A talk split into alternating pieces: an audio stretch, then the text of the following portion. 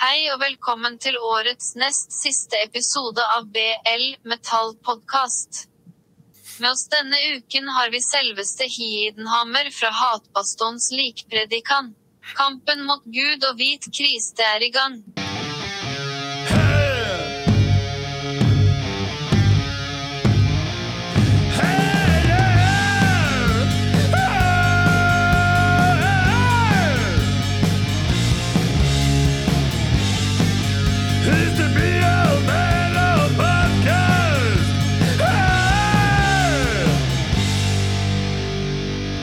Tänkte lite snabbt visa dig de här böckerna som jag hade tagit mig an.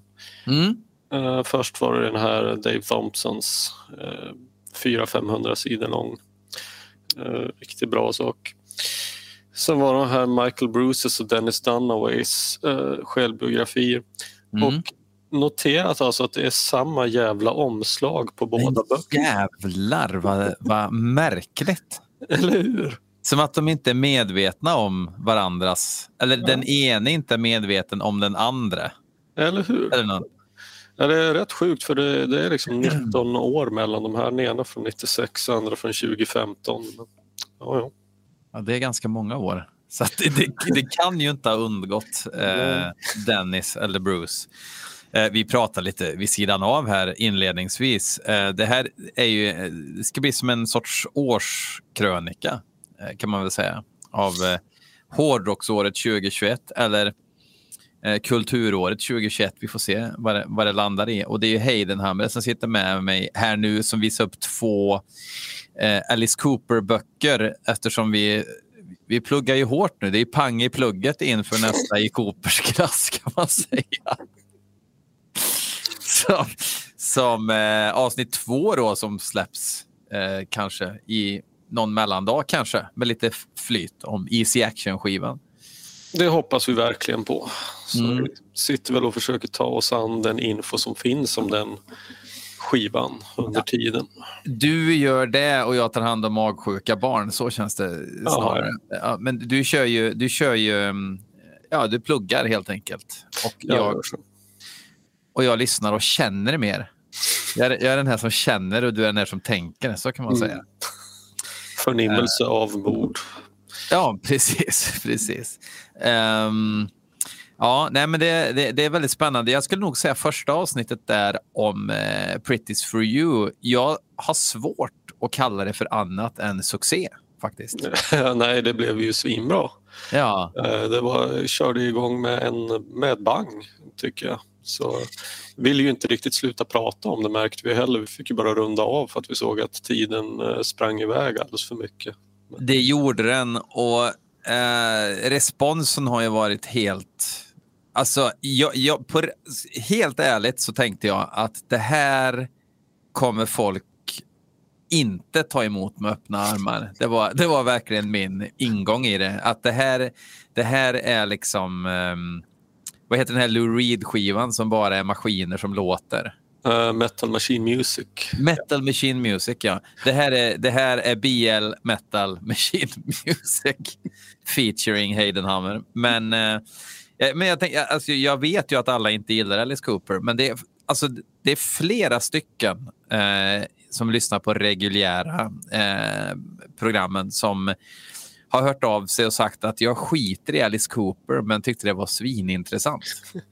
Det var ju jävligt roligt att höra. Mm. Ja, men jag tänker att det, jag förstår vad du säger och det, jag håller ju med om att det är många i bekantskapskretsen som man har träffat på som säger att de inte alls är speciellt förtjusta i eh, den gode Vincent Furniers eskapader. Men jag tror, kan det vara så att alla i stort sett har ju ändå alltså någon form av relation till Alice Cooper Mm. för att alla har ju ändå hört honom på, på Mm. det ena eller andra viset. Mm. Eh, så, Men jag, jag, jag kan säga så här att jag, jag tror att de har den bilden som jag också kan ha av Alice Cooper i mitt huvud när jag inte tänker efter. Alltså, ehm, en föråldrad man som, eh, som låtsas bräk sjunger lite grann över ganska ofarlig pop hårdrock. Liksom. Och så, och så kan man ju kategorisera. Eh, man kan ju beskriva Alice Cooper så, men det gör ju en, tjänst, en själv en otjänst. Liksom.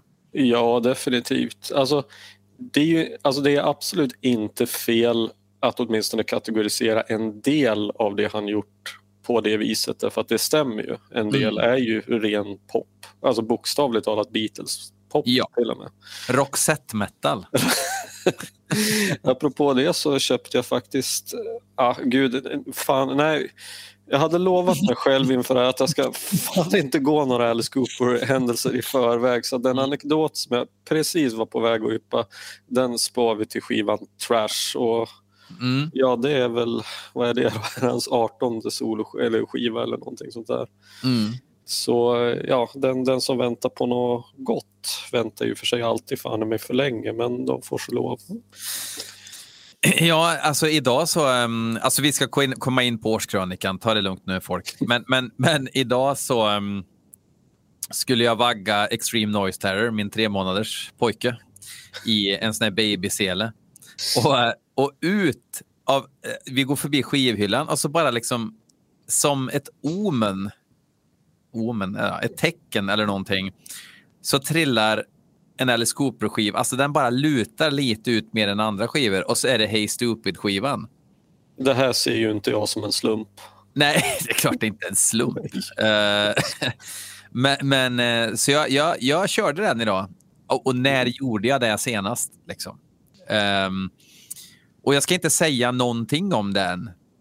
Men, men, men, men jag kan säga så här att det finns ju ingen genomdålig Alice Cooper-skiva. Nej, jag tror ju fan inte riktigt det heller och då, då har jag ändå letat efter den och det här, det här säger jag ju inte med lätt hjärta för ja, jag tror att om man har läst uh, Hatpastorn-bloggen och så, där, så vet man att mitt favoritband är ACDC. Mm. Eh, men till och med där är jag liksom beredd att säga att ja, men det finns ett, ett bottennapp och även när det gäller Iron Maiden så finns det bottennapp. Vilket är bottennappen med ACDC? Ja... För, för, för, grejen är att, att jag har alltid sett att det finns bottennapp men varenda gång jag lyssnar på bottennappen så tycker man att, att fast så jävla dåligt är det inte. Alltså, man får väl, man, man går ju efter en egen skala. Ja. Liksom. Ett ACDC bottennapp är ju kanske inte ett Benighted Leams. Eller... Men, nej, men jag, jag, har, personligen så har jag alltid eh, jag har nog aldrig varit särskilt svag för For Those About To Rock till exempel. Jag tycker det är en väldigt träig skiva för att vara ACDC och jag har otroligt svårt att förstå att den kunde följa på Back in Black och dessutom bli en av deras största försäljningssuccéer. För det, det begriper jag inte riktigt. Nej, men det, men det, är, det är ju kvantfysik att förstå det. men, men vilket jävla öppningsspår. Det måste man ju ge dem. Ja, alltså Låten den... For those about to rock Ja men det är ju 10 av 10 och det, ja. det vet ju alla. Mm. Och det tror jag att ja, men det vet de ju själva också i och med att den låten har väl ingått på i stort sett alla spelningar de har haft mer eller mindre sedan dess. Men jag tror inte att de har kört speciellt, jag tror inte att det har, det, det finns väl inga fler spår från den skivan som har varit med i någon live-repertoar efteråt. Eller med på, ja, som folk pratar sig speciellt varmt om. Nej, inte vad jag kan komma på. Men, men däremot när jag hör på den så är det, det är ju ganska bekymmerslös rockmusik. Alltså, det, det, det är ju ingen, det är inte cringe liksom direkt, utan, eh, men, men, men, det är bara inte, det lyfter aldrig. Liksom. Nej men precis, det, jag, jag har alltid haft jättesvårt för det är nog ljudbilden på den som jag tycker känns såväl knastertorr som alldeles för komprimerad och mm. jag vet inte, låt, det finns väl ett par till låtar på den som jag tycker är okej. Okay. Typ Night of the Long Knives, den är väl bra liksom. Mm. Och eh, visst, om man verkligen anstränger sig men på det stora hela så äh, men det, det är nog sällan jag skulle slå på den. Mm. Av fri vilja, helt i varje fall.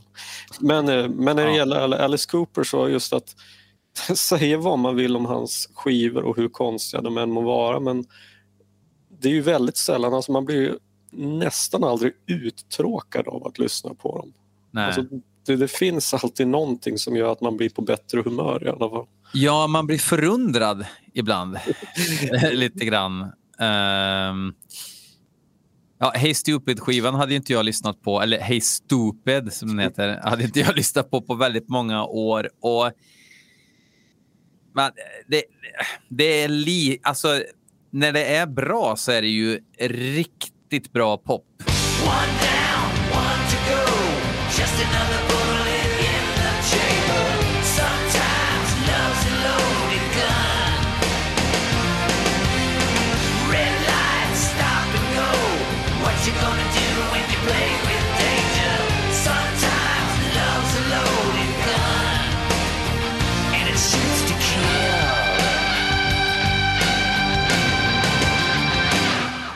Fruktansvärt bra. Ja, vi ska inte prata för mycket om det, men ibland blir det lite grann som prästen som ska rappa också eh, på samma skiva.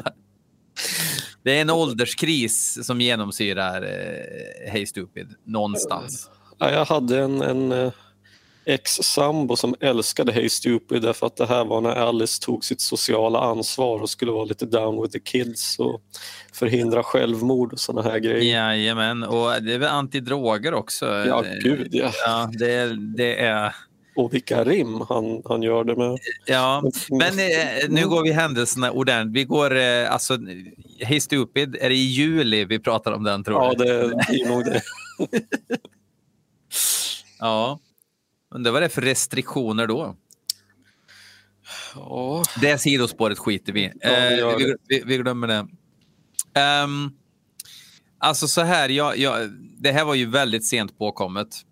I sann BL Metal Podcast-anda eh, så har jag ibland en gäst och vi har inte gjort någon manus och eh, spaningar som vi har planerat och sådär utan jag bara sa jag ska ändå köra sen ikväll, är du på? Och jag har ju jag hatar ju verkligen eh, årsbästa.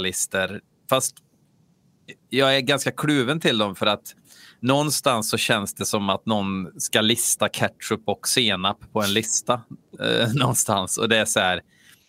Ibland är senap eh, godare än ketchup och vice versa. Så att det är så jävla världsfrånvänt för mig att sätta i någon sorts rangordning. Utan det, det enda jag gör nu det är ju att jag nämner då skivor som på något sätt jag har lyssnat mer på än en gång och tyckt om liksom, i, i någon mening.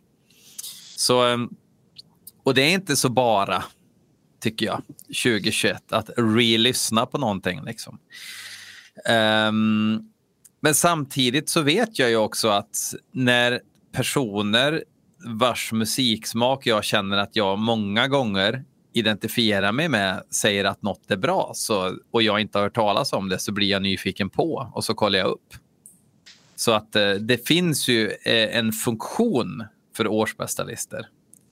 Eh, många årsbästa listor är ju väldigt ängsliga också. Det märks att det har gått ett snack på redaktionen när det är en tidning att den här eh, är ob obligatoriskt bra smak att ha med i sin lista och sånt där. Och det gillar vi ju inte här på BLHQ. Men du har inte, du, du är ju ingen, du går ju inte omkring med freestyle och lyssnar på den senaste så mycket, utan nej nej alltså fy fan vad sugen jag blev på att äga en, en riktig freestyle nu och observera freestyle, inte Walkman. Exakt. Uh, nej, alltså jag, jag har alltid tyckt att det här, alltså jag har alltid tyckt om att läsa årsbästa listor men jag är så för jävla dålig på att skriva sådana själva. Uh, sådana själv av den enkla anledningen att jag, alltså jag hänger ju inte alls med i vad som släpps utan jag tror att i år har jag köpt Ja, det är, jag tror att det är närmare 900 skivor eller någonting sånt. Det är mycket.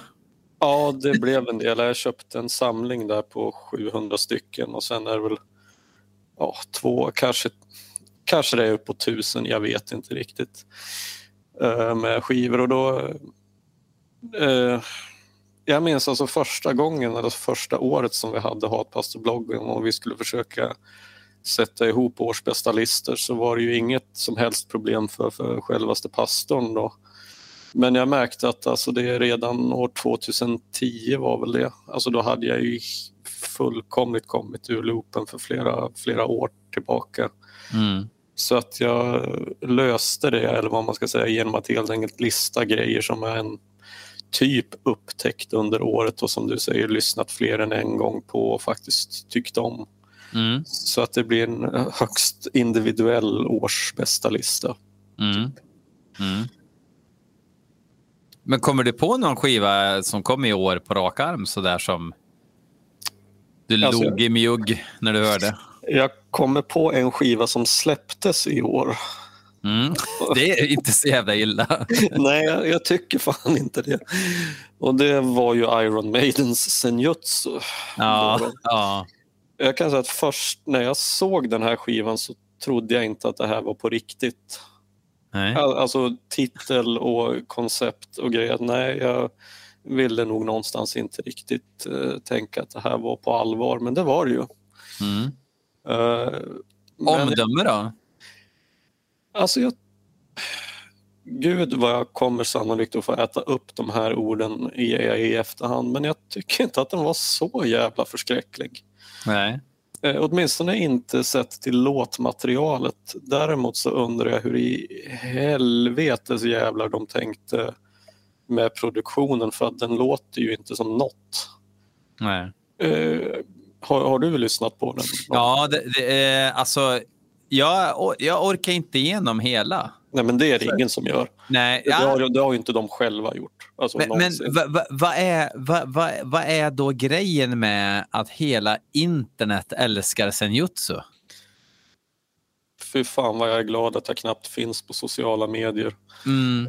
Gör folk det alltså? På riktigt? Alltså, vi, vi eh, eh, pra, prata lite om... Eh, du tänkte fortsätta utveckla det lite efter att du... Ja, och så kan jag bara spontant titta på Metal Archives. Åh gud. Är det inte bara Steve Harris som har betalat folk för att skicka in sina egna? då? X-Pix. Eh, Ja, men Rod Smallwood och det är ju han som står bakom. 82 procent Ja, av 100. Ja, 26 stycken har recenserat den. Vilken svart stinkande lögn. Ja. The Best Modern Maiden, 98 procent. Ja. Stratego of Senjutsu, 98 procent. Mm. Eh, thanks for proving me right, 94 procent. Eh, Art of War, Swords and More, 97 procent. Sen har vi en person här. This might be the be good only if it's your first metal album, 10 procent. Så att det var ju någon som drog ner snittet rätt ordentligt här. Ja, det där påminner mig ju faktiskt, om jag får vika ut texten en aning, Mm. Eh, ett annat band som jag hade väldigt svårt att förstå mig på, ett band som jag uppskattat men vars musik jag aldrig varit så jätteinne på är ju Watain. Eh, Och någon gång typ 2007 tror jag det var så satt jag med en kompis och pratade om dem. Jag tror att det var att de skulle väl hålla, om det var precis innan de skulle hålla något tioårsjubileum i Uppsala eller någonting. Och jag undrade lite grann, vad, liksom, vad är grejen? Alltså visst kan jag väl tycka att det låter helt okej men jag förstår inte vad som är så fantastiskt med dem. Nej. Och han sa att ja, alltså om du tänker bort man måste tänka bort all black metal som har gjorts innan Watain. Mm. Då blir det fantastiskt. Ja, men innebär då inte det att vi ska liksom tänka bort all musik? Alltså om det är det första du någonsin hör, ja, Mm. är det verkligen ett speciellt bra betyg då i så fall? Nej, nej, alltså. Jag har väldigt svårt för det här eh, kontexttänket runt musik. Sam, samtidigt som man ju själv, när man är lite arkeolog, jag menar som lyssnar på Pretty's for you, den lyssnar man ju i, Mm. i en kontext för att den kom, var det, 69 va? Eller Mm, 68? 69. 69. Då lyssnar man ju inte på den som nu ska jag lyssna på något nytt och fräscht, utan man lyssnar ju på den ifrån den tidsram då den kom. Men här gör man ju något annat då med Watain. Att då lyssnar Watain som att historien aldrig har hänt. Ja, precis. Och det blir ju aningens kontrafaktiskt kan jag ju tycka. Ja, Ja, men det, det, det fanns någon annan, någon liknande, det var någon eh, som hade skrivit in en insändare i det gamla fanzinet Nordic Visions. mm. Och då, han, han var dansk och han var förbannad på att Nordic Vision hade sågat hans landsmän Blazing Eternity och deras demo Ove Sodde Heder, eller hur den uttalas på danska. Eh, För han menar att det här är ju precis lika bra som alla norska band, ja, om man räknar bort Mayhem och Bursum och Emperor och alla dem. Så att ja, om vi tar bort alla bra norska band så är den faktiskt ungefär lika bra eller dålig. så kan man ju se på det. Om vi tar bort allt bra så finns det det som är ganska okej. Ja. Ja. Men är, är det inte också en, en... Det som är lite spännande med, med musik, att dels så handlar det om smak och dels så handlar det om alla människors olika förhållningssätt till musik i det också. Och då blir det för avancerat för två människor som inte har samma förhållningssätt och ens prata om musik. Det ser man ju Jo, på. Facebook. I, i, mm, jag är mycket i en ur, i Urkraft heter gruppen och där är ju jag och några till ganska kategoriserade som true Okej. eh, av andra då alltså. För att vi har eh, ja, men någonstans, någonstans ramar för vad som är rimligt att ta på allvar om man håller, har ett band. Liksom. Att om man gör om man, om man släpper kudd, f- kompletta kuddrum med sin logga på. Vi tycker inte att man ska... Och det är inte att vi har gjort upp det, utan det är bara eh, eh, liksom ryggraden som säger att det känns så fel på något vis Jo. och göra det. Eh, och, och det handlar inte om att det är en förutbestämd regel att, att man får inte sälja kuddrum med logotyper på. Men någonstans så är eh, steget lite för långt från kärnverksamheten. Liksom. Att Löfbergs Lila ska göra kaffe liksom. Varför gör inte Löfbergs Lila black metal? Ja, det, jag är helt säker på att många skulle tycka att självklart ska de få göra black metal om de vill och, och, och det är helt legit. Men Eh. är det det? Eller, ja. Ja, men det är ju inte det. Alltså, alltså ja, gud, don't get me started. Nej, nej men, men, men eh, man, man är sedd som true bara för att man tycker att det är orimligt att Darkthrone släpper skateboards nu. Gör de det alltså? Ja, de gör det. Och det är lite grann som att, att, att förklara skillnaden mellan en måne och en planet för en hund. Känns det som ibland. Att, ja, men det är ju klot. Jo, jo, Jo. visst, det är klot. Eh, planeten cirkulerar runt en stjärna, solen. Ja, du fattar. Men, men någonstans, det som var spännande med black metal var ju det att vi gör inte som alla andra. Utan vi, vi någonstans, i alla fall ursprungligen var det ju ändå att vår musik har ett annat värde än det monetära värdet. Utan att vara politiskt. Jo, men absolut. Och det, alltså det är en jätteintressant diskussion och den kan ju dras extremt långt. Ja. Eh, för det är ju klart, uh, det var så att eh, jag och min sambo är, alltså ett av de band som jag verkligen kommit att uppskatta på senare år och som faktiskt är ett favoritband nu för tiden trots att jag hade väldigt svårt för dem i typ 20 år är, är Rammstein. Mm. Och jag vet inte, men någonting brast lite grann inombords när man såg att de började kränga iväg Rammstein brödrostar och man liksom ser till Lindemann i en tv-shop-reklam framför sig och ah, dein Brot eh, bränt. Så vi bestämde oss för att göra egen merchandise, eh, hon och jag. Så vi köpte en sån här label maker och så har vi gjort en egen Corpse Molestation brödrost istället. Och när man tänker efter så, jag menar, Alltså det är väl så merchandise går till. Alltså egentligen så Mm. är det ju ingenting förutom precis vad som helst med en logga på eller egentligen bara ett ord. Mm. Och det är klart att på sätt och vis så är det ju ingenting nytt i och med att jag menar Kiss gjorde ju det här, Kiss och Elvis gjorde ju det här jag menar redan på 70-talet och Mm. på 50 Elvis-hysteri men jag vet inte, när, när Behemoth börjar göra hundmat liksom Mm. och Mm. i, ja, det dröjer, om en vecka har vi liksom Nicholas Barkers fryslasagne i, i skafferiet. Eller i en Willys disk nära dig. Liksom. Jag menar, cashen ska ju in. Eller Nicola, Nicholas Bark. Ja, na naturligtvis. Ja, Ja, ja. självklart. Ja, jo, jo men, och, men det var ju just det som var grejen. att här kommer, Vi kör black metal. Vi går inte till Phil Collins-studion för att spela in en skiva. Eh, vi, vi vill inte ens ha färg på skivomslagen utan eh, det- det är Xerox. Det är nästan lite punk över det. Mm. Att, att de punkidealen, liksom, att det här, det här är våran värld. Vi är inte intresserade av att tillmötesgå de som inte fattar grejen från början.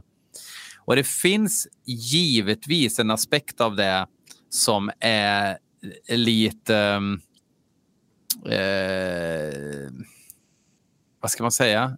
Det, det kan låta liksom banalt, men i, tillsammans med musiken och just det där att den någonstans spelade på ens ehm, på ett utanförskap faktiskt ju. Jo, Som, så, som man blev bekräftad i. Att man kände att Nej, men jag, jag, jag har inte riktigt samma värderingar. Och då, då, då pratar vi inte om, om eh, hudfärgade plåster och woke-grejen utan, utan värderingar som är att, att jag värderar annat högre än det här blasé eh, meningslösa. Liksom. Eh, som i och för sig punken också hade, men ja, men ja, jag vet inte. Jag druckit vin nu också. Fan. Nej, men alltså, givetvis fanns det en exklusivitet och det fanns en mystik kring Mm. den här musiken som eh, vi uppenbarligen inte upplevde att vi kunde tillgodo, alltså skaffa oss någon annanstans. Alltså, den talade till någonting som låg bortom det mun- mundana för att Mm. Använda poetiskt ordspråk då, eller något. Eh, sen liksom det här, alltså jag har aldrig haft någonting emot att, alltså att, att band säljer en jävla massa skivor och blir stora. Nej. Eh, för det är en helt annan sak. Och det, jag, menar, Ja. jag, jag har aldrig förstått de som klagar på det. För okej, men liksom Venom och Slayer då, eller Maiden. Maiden- Eller, eller, eller att eh, Erik Danielsson i Watain sitter med Peter Jöback och pratar om eh, monstret inom musiken. men det- musikhistoriskt. det... finns inga bekymmer överhuvudtaget med det. Utan snar, snarare hedrar det honom att han ställer upp och är 100% genuin när han pratar eh, om sin konstform i, i ett radioprogram om det. Alltså noll problem. Så det handlar liksom inte om att man som black metal-musiker inte på något vis får synas. Liksom. Men mm, det är när det blir en... När det helt enkelt inte blir genuint längre. Nej, alltså det är, ju- som sagt, det är en jävla intressant frågeställning. Eh, och det, ja, men det börjar ju någonstans med att man vill tillhöra någon slags motkultur, både musikaliskt och estetisk. Så. Mm. Och eh, det som blir märkligt är att ja, men om, du, om man kollar på Venom och tidiga Slayer, inga problem alls med att försöka bli så stor som möjligt. Därför att det var ju, ja men Venom sa ju det redan från första stund att alltså vi, ska, vi ska bli de största och vi gör inte turnéer om vi inte headlinar. Vi vill ha enormt påkostade shower med pyro och backdrops och liksom Mm. ju större more is more, eh, ju större desto bättre. Men det är ju klart att om man gör som andra vågens, framförallt norska black metal gör och ifrån början säger att man har liksom ett, eh, ett avståndstagande ifrån eh, pengakultur eller eh, att bli accepterad i de finare sammanhangen och sedan gör tvärtom och blir nominerade och vill vara en del av Spellemanprisen och Grammy-utdelningar och sånt. Mm. Ja, då är det ju åtminstone då får man ju åtminstone ha en ganska bra förklaring till varför man har gjort en 180-sväng. Mm. Tänker jag. Mm. Och någonstans där så dör ju också, det är klart att mystiken dör därför att du, du kan inte hålla på med en sån här estetik och fortfarande så att säga, vara en del av finrummet. Det, det går inte riktigt ihop. Men sen är det väl också internetkulturen som har gjort att man har kommit så jävla nära eh, banden. Att, att fansen börjar få mer insyn i vilken jävla kamp det är att ens kunna hålla på med musik i, liksom, utan att offra allt annat i sitt liv. Liksom. Att de, alltså, det, det, det finns ju alltså fans som fast med andra ord säger det är okej att mitt favoritband gör sämre, mer tillmötesgående musik nu för det är ju bra att de eh, har råd att hålla på. Alltså, eh, det, det är okej med mig. Jag gillar inte deras musik längre. Det är inte riktigt min grej, men, men det är okej med mig för de... Gud vet vad skönt det är att veta när man går och lägger sig att Anders Fridén har råd att amortera sitt hus.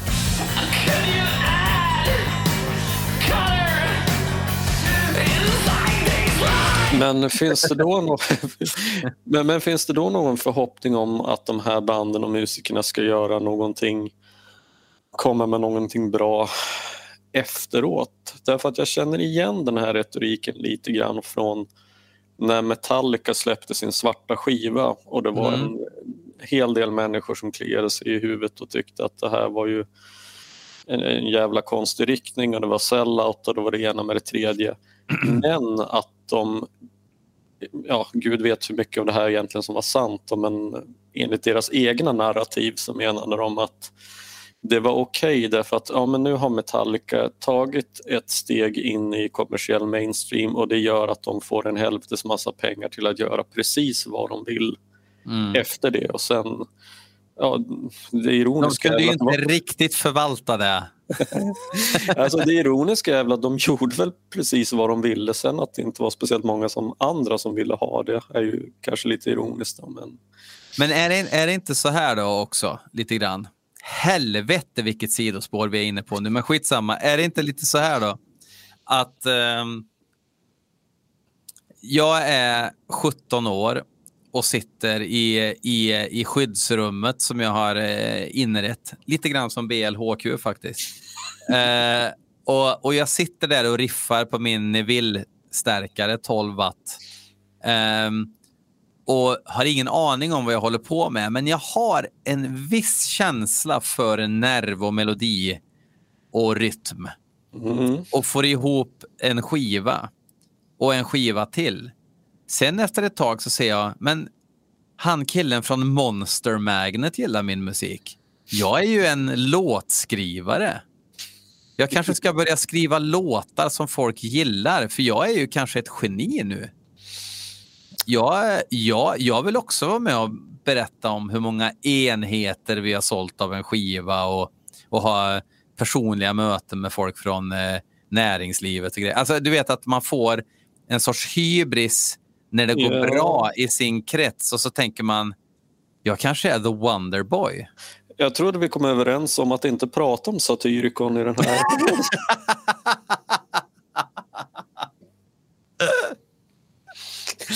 Touché, touché. Eh, Eh, nej, nej, men- ja. Alltså, Nej, jag men- gillar ju även liksom, eh, viss Eh, grejer som skulle kunna kategoriseras som popmusik. Liksom. Eh, och, och sådär. Alltså, det, det, det, är ju inte, det är inte det som är bekymret, men, men en gris är ju en gris. Liksom. Och eh, var, var en, en stilig gris istället, liksom, kan jag känna ibland. Och, och sen eh, döda grisen och, och håll på med det andra istället. Då. Alltså blanda inte ihop det, för det är då det blir tok och spex.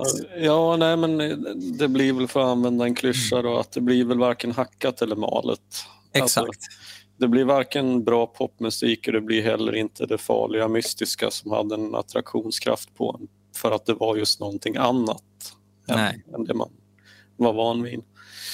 Eh, ja, men jag, okej, vi, vi ska återvända till, till årsbästa listan. Ja, Men årsbästlistan. Ja, mm. jag, jag vill bara... Ja. Precis det, det du sa. Jag älskar de två första Satyricon-skivorna och ja, tredje skivan är väl lite sådär, den håller inte närmare granskning. Men jag vet inte fan, vad, jag, jag tyckte att just det bandet och flera med dem, att alltså, så länge som de var unga, naiva och kanske inte riktigt visste hur man gjorde Mm. så var det ju, tyckte jag, att, att låtarna och skivorna blev bra. Men så plötsligt så blev de för bra musiker, hittade sitt sound och en publik och därmed och sedan så blev de ja, men faktiskt tråkiga och i mina ögon mediokra låtskrivare. Men det verkar som Mm. att de själva verkade tro att nu, är vi, nu har vi hittat rätt och nu gör vi liksom AC/DC hits här. Men det, Mm. det tycker inte jag att de gjorde som AC/DC-lyssnare. Då. Nej.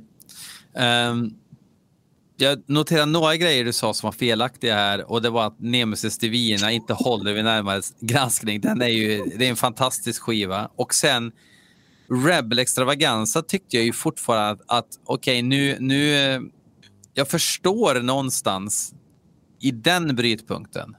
Men Björn, Ja, jo, jo, men Rebel Extravaganza är en väldigt bra skiva.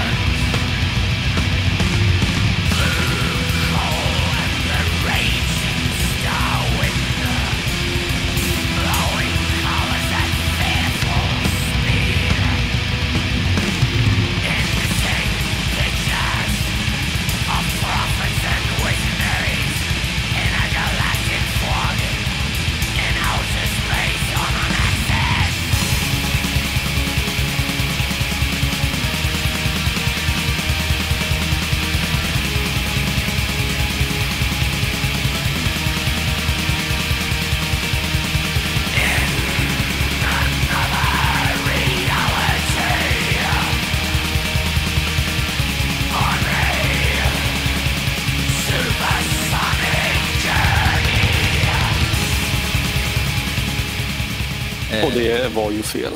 Eh, nu, nu, det måste vara någonting med Google Meet här, att det låter att det händer något med signalen här.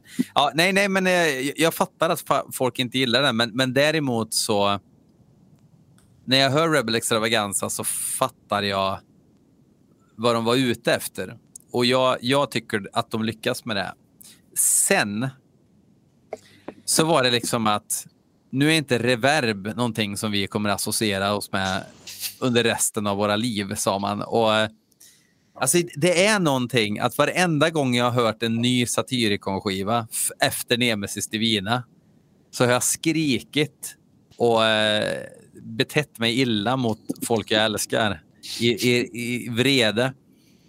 Och sen någonstans har det krupit på mig lite grann. Men det känns inte rätt. Men, men, men, men, men det finns bra grejer liksom genom, genom nästan hela katalogen. Men jag vet, jag vet med mig att det jag gör nu är fel när jag lyssnar på det här. Det är lite lustigt för jag satt igår senast och, och lyssnade på deras självbetitlade album från 2013. tror jag Mm.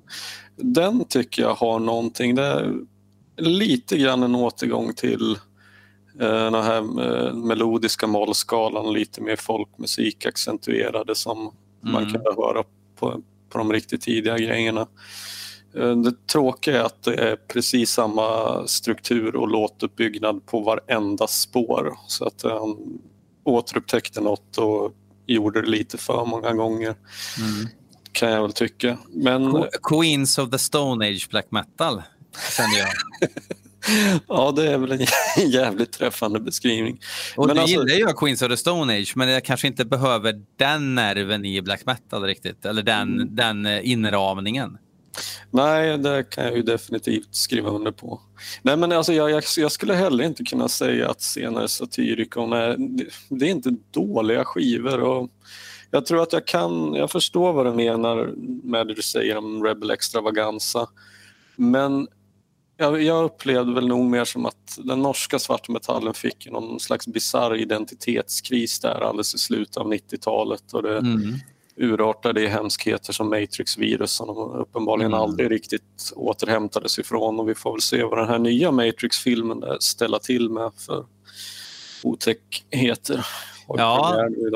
Det blir eh, skinnrockar och pistoler på omslagen igen. Jag är helt säker. Ja, alltså varför inte? Nej, varför inte? Varför inte? Ja, nej, men Ja. jag, jag vet inte. Okej, Rebel Extravaganza, ja, ja, jag kan inte riktigt med den skivan. Det- Jag, tycker inte om den.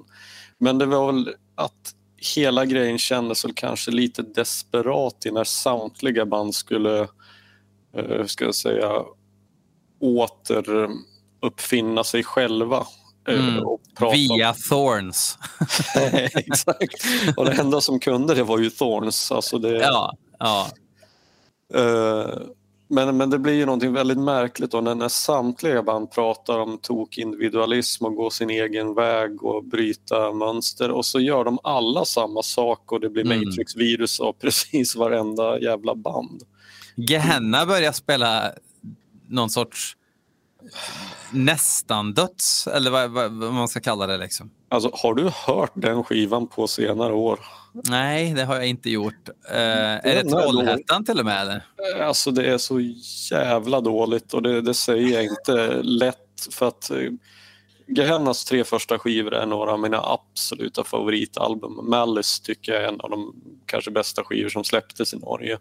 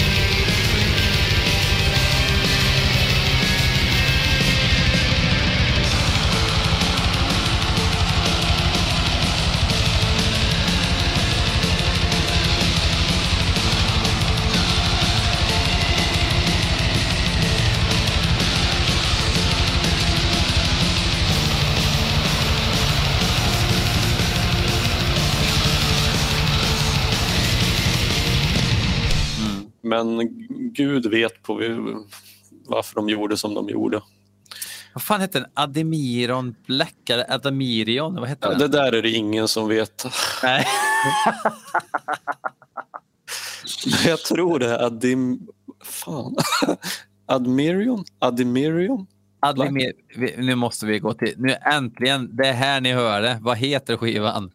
Vara så, Black. ja, men det skulle ju vara så jävla märkvärdigt. Ja, det är ju 98, ja. Det är brytåret. S- Sommaren 1997 hände någonting i Norge i alla fall. Ja, jag tror, ja, men det sorgliga där det var ju att keyboardisten Sarkana slutade och det, hon var ju liksom mycket en del av soundet på de tidigare skivorna. Uh, och det här är riktigt synd därför att när de släppte den Ademiron Black så släppte de också en singel med en eller ett par låtar från den skivan och ett par låtar som inte kom med. Och de- Deadlights. Deadlights och den är ju svinbra. Alltså den har ju verkligen det här Mallis-ljudet. Okej. Så det, det är lite grann av en eh, glömd eller gömd juvel som hittar man den så slå till för den är fan, den, den har bra grejer på sig. Det var som fan. Men alltså, Unravel var väl... Alltså mina axlar har inte ryckt så mycket som när jag hörde den första gången. Alltså nå, någonstans så kände jag de första fyra minuterna, ja men vänta här nu, vänta. Jag, jag, jag, känner, jag känner det här. Och sen bara, nej, jag känner inte riktigt det här. Jag tror jag aldrig lyssnat på den från början till slut för jag hade Det går precis, Nej.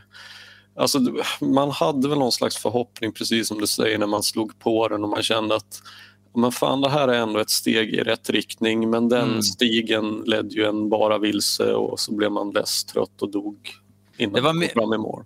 Det är mycket ackord för pengarna däremot. Ja, det om, man, kanske. om man gillar ackord. och sen World War som var, okej nu ska vi spela någon sorts rensig Black liksom. Som, som jag verkligen har försökt gilla. Eh, för jag kände liksom, ja men det här är ju, det är, det är en black metal-skiva liksom. Och, och, och jag har kompisar som tycker den är, är skitbra liksom. Men jag Alltså, hittar inte hem alltså. Det låter väl mer Marduk än vad det gör Gehenna skulle jag säga. Det låter ju inte Marduk heller. Nej, kanske inte. Det är så Det är jävla, så jävla di, det är dissonant och det är liksom det är dissonant safari liksom. Det är så väldans länge sedan jag lyssnade på den nu. Det, ja, I och med den här, alltså Admiral Black var ju ett steg i fel riktning och Murder är så hopplös att det, ja, man blir bara självmordsbenägen av helt fel orsaker. Alltså nu har jag inte hört Murder. De orkar bara spela in 31, musik, 31 minuter musik på den. Ja, du hör ju tycker är- själv. Ja. Men är det inte lite så här keps-aktig sång på den också?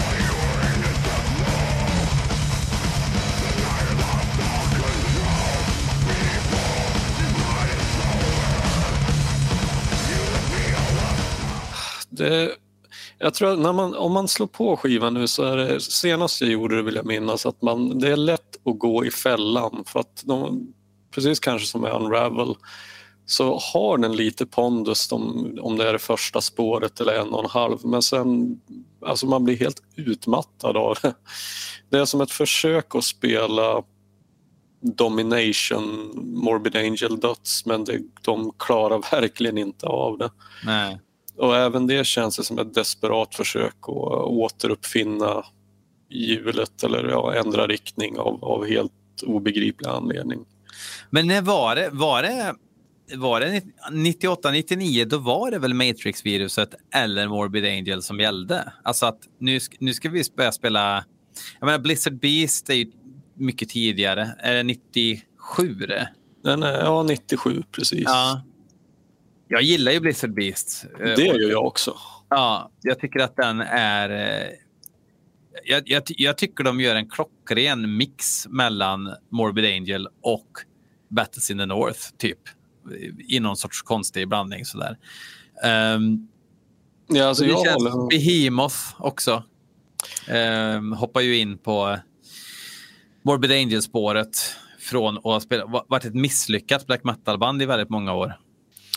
Ja, alltså jag, Behemoth är ju lite udda. Jag, jag gillar ju de två första skivorna för det lät ju mer norskt än vad Norge klarade av. Men känner du någon annan som gör det?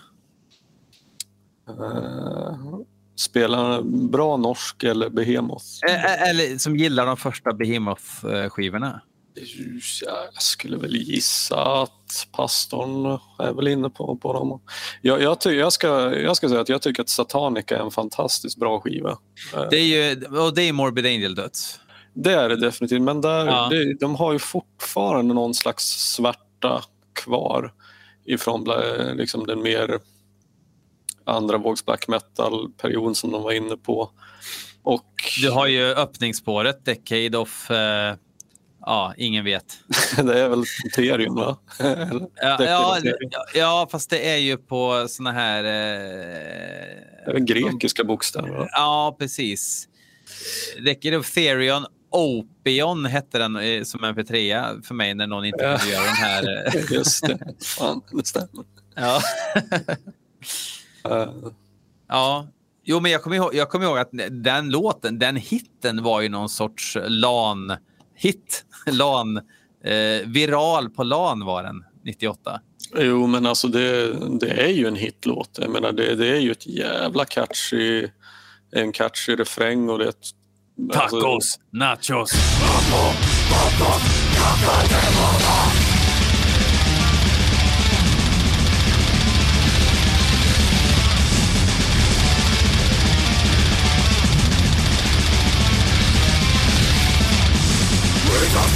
subject of double places Within idle mountain Tremble morality We destroy angels with sound We destroy angels with silence. Amo, matos, cacao de monos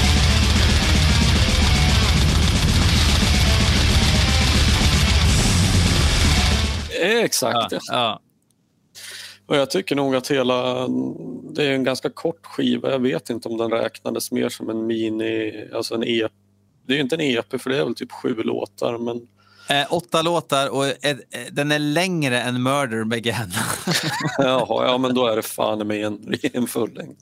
35, Nej, men- 35 minuter är den. Ja, så pass. Mm. Men jag vet inte, efter den så tyckte jag nog aldrig att de fick tillbaka. Utan det, det är visst, det, det är professionellt och det är tokvällspelat och allting men det, jag vet inte. Känslan bara försvann, i, för mig i varje fall. Jag, jag kan inte riktigt säga varför. Jag tyckte ju så Skia Kultus när den kom.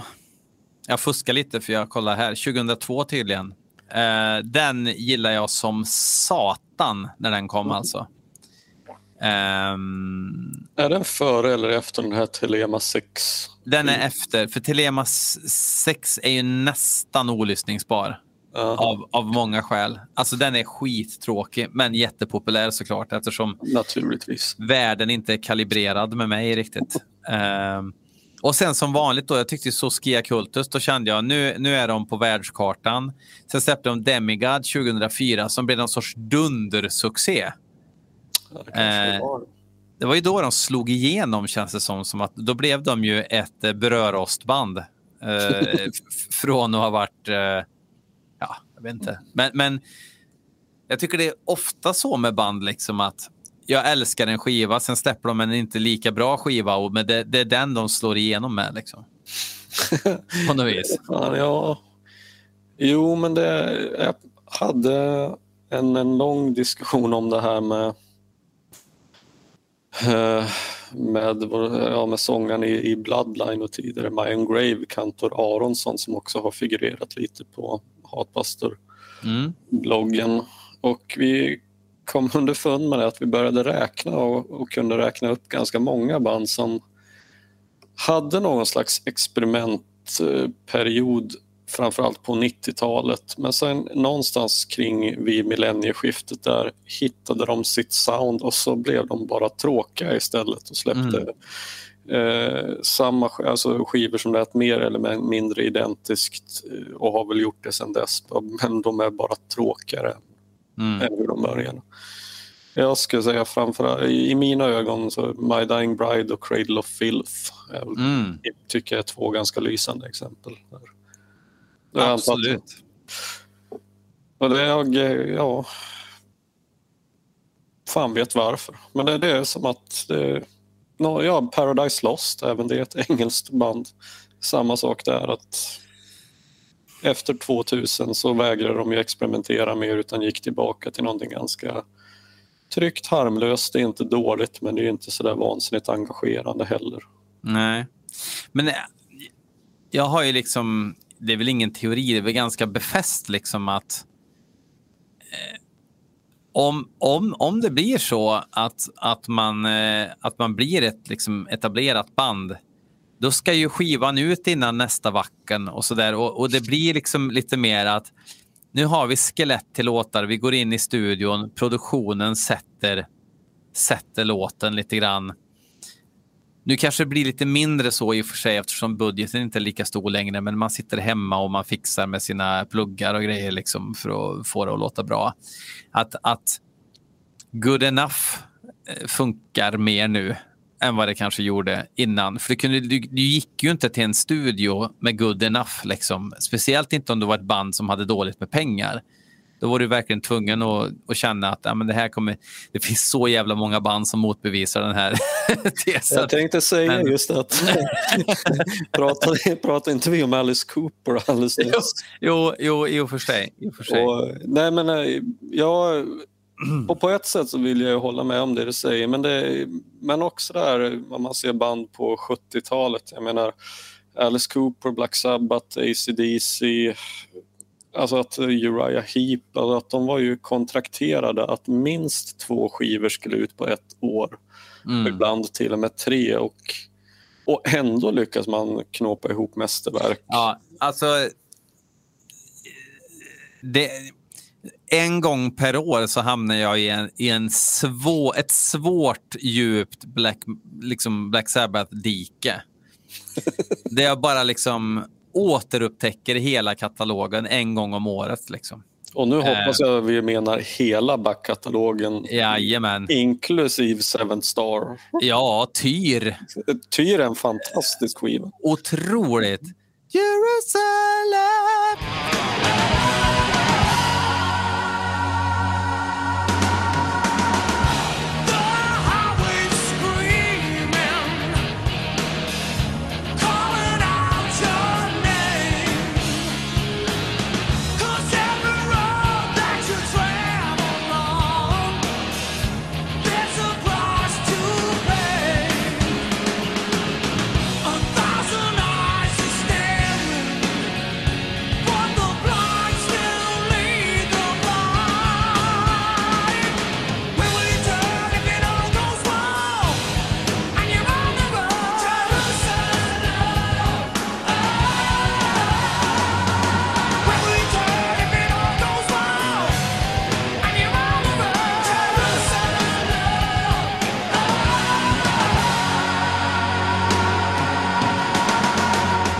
Ja, men, men, men, men, men, om, man, om man ser till liksom de, alltså det hela 70-talet och in på 80-talet först och främst då liksom. Alltså, hur kunde med, med så mycket opiater och skit i det där trötta brittiska blodet liksom kunna göra så mycket bra skivor? Det, det är det är helt obegripligt. Ja, jag håller med och har funderat över det många gånger själv.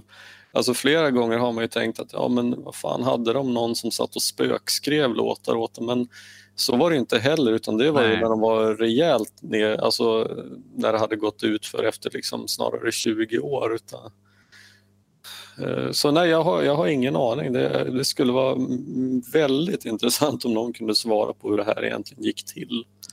Faktiskt. Det, det- ja, men det, det går nog inte svara med liksom, eh, logiken i ryggen. För att det, det, det är helt... Jag, jag, är- jag är ju ateistiskt lagd, liksom, men, men någon, någon form av divine intervention må, måste det finnas där. Det är helt, det är helt obegripligt för mig. Och, och det, är inte, det, är, det är inte bara det, det som är så jävla sjukt är att allting är ju egentligen så jävla enkelt och primalt också. Vilket gör det ännu mer obegripligt. Det är liksom Ja. inte så här samarbete med symfoniorkestrar utan det är, enkel musik som ändå träffar så jävla hårt så ofta. Ja, nej, men jag vet inte. Ungdomlig arrogans. eh, eh, agera innan man kanske riktigt tänker. Eh, I 15 år. ja, I 15... Ja, Ja, kanske inte 15 ung, då år. är ju för sig Ja. ung. Alltså, inte ens Alice Cooper var ju världens ungdom. eh, Nej. 69, alltså första skivan kom när han var 21. Liksom att jämföra med Mörk gryning som ju var 14. Då. Ja. det är inte ofta man jämför med Mörk gryning heller å andra sidan. Om man Nej. Det är i och för sig sant. Ja, Men man, eh, man, man blir på bra humör av Mörk grynings demo i varje fall. det, det låter jag. Jag, jag har faktiskt inte hört den. Eh, jag, hade ju, jag hade ju faktiskt ehm, eh, Nagelfar Vittra versus Mörk gryning på Patreon här nu för Ja. några dagar sedan bara. Det är lustigt att du tar upp dem. Eh, Mörk gryning och Nagelfar Vittra, det är ju grejer som jag såklart hörde. Mm. på 90-talet. Men som, som jag aldrig brydde mig om. Så att det blev, eh, de fick köra en låt var. eh, och så körde alltså tre låtar då, men jag, jag körde dem bredvid varandra. Och så tog de mest spelade tre låtarna på Youtube. Eh, inga bra skivor 2021 faktiskt. Måste jag säga. Nej, alltså det, det är lustigt att du säger det här för det är all respekt åt Nagelfar och det är liksom folk som jag har känt i vad blir det, 22 år, år eller någonting och sånt där. Mm. Men eh, det har aldrig riktigt varit min kopp te. Och det var faktiskt så att Nagelfors Vittra var lite grann det var den första skivan som släpptes på Wrong Again Records som jag var lite av en axelryckning för min del. För fram tills dess så hade det varit fullträff på fullträff tyckte jag. Men där, Mm. ja, jag kan inte riktigt sätta fingret på det men det var bara att eh, eh, ja, visst det, det, det är bra men det är bara inte så jävla engagerande som jag vill att det ska vara.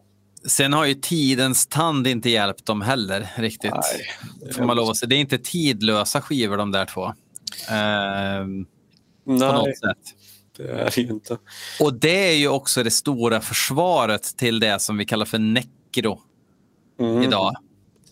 Att eh, tiden gör ju de, de där... Transylvanian Hunger kommer ju aldrig låta modern eller omodern.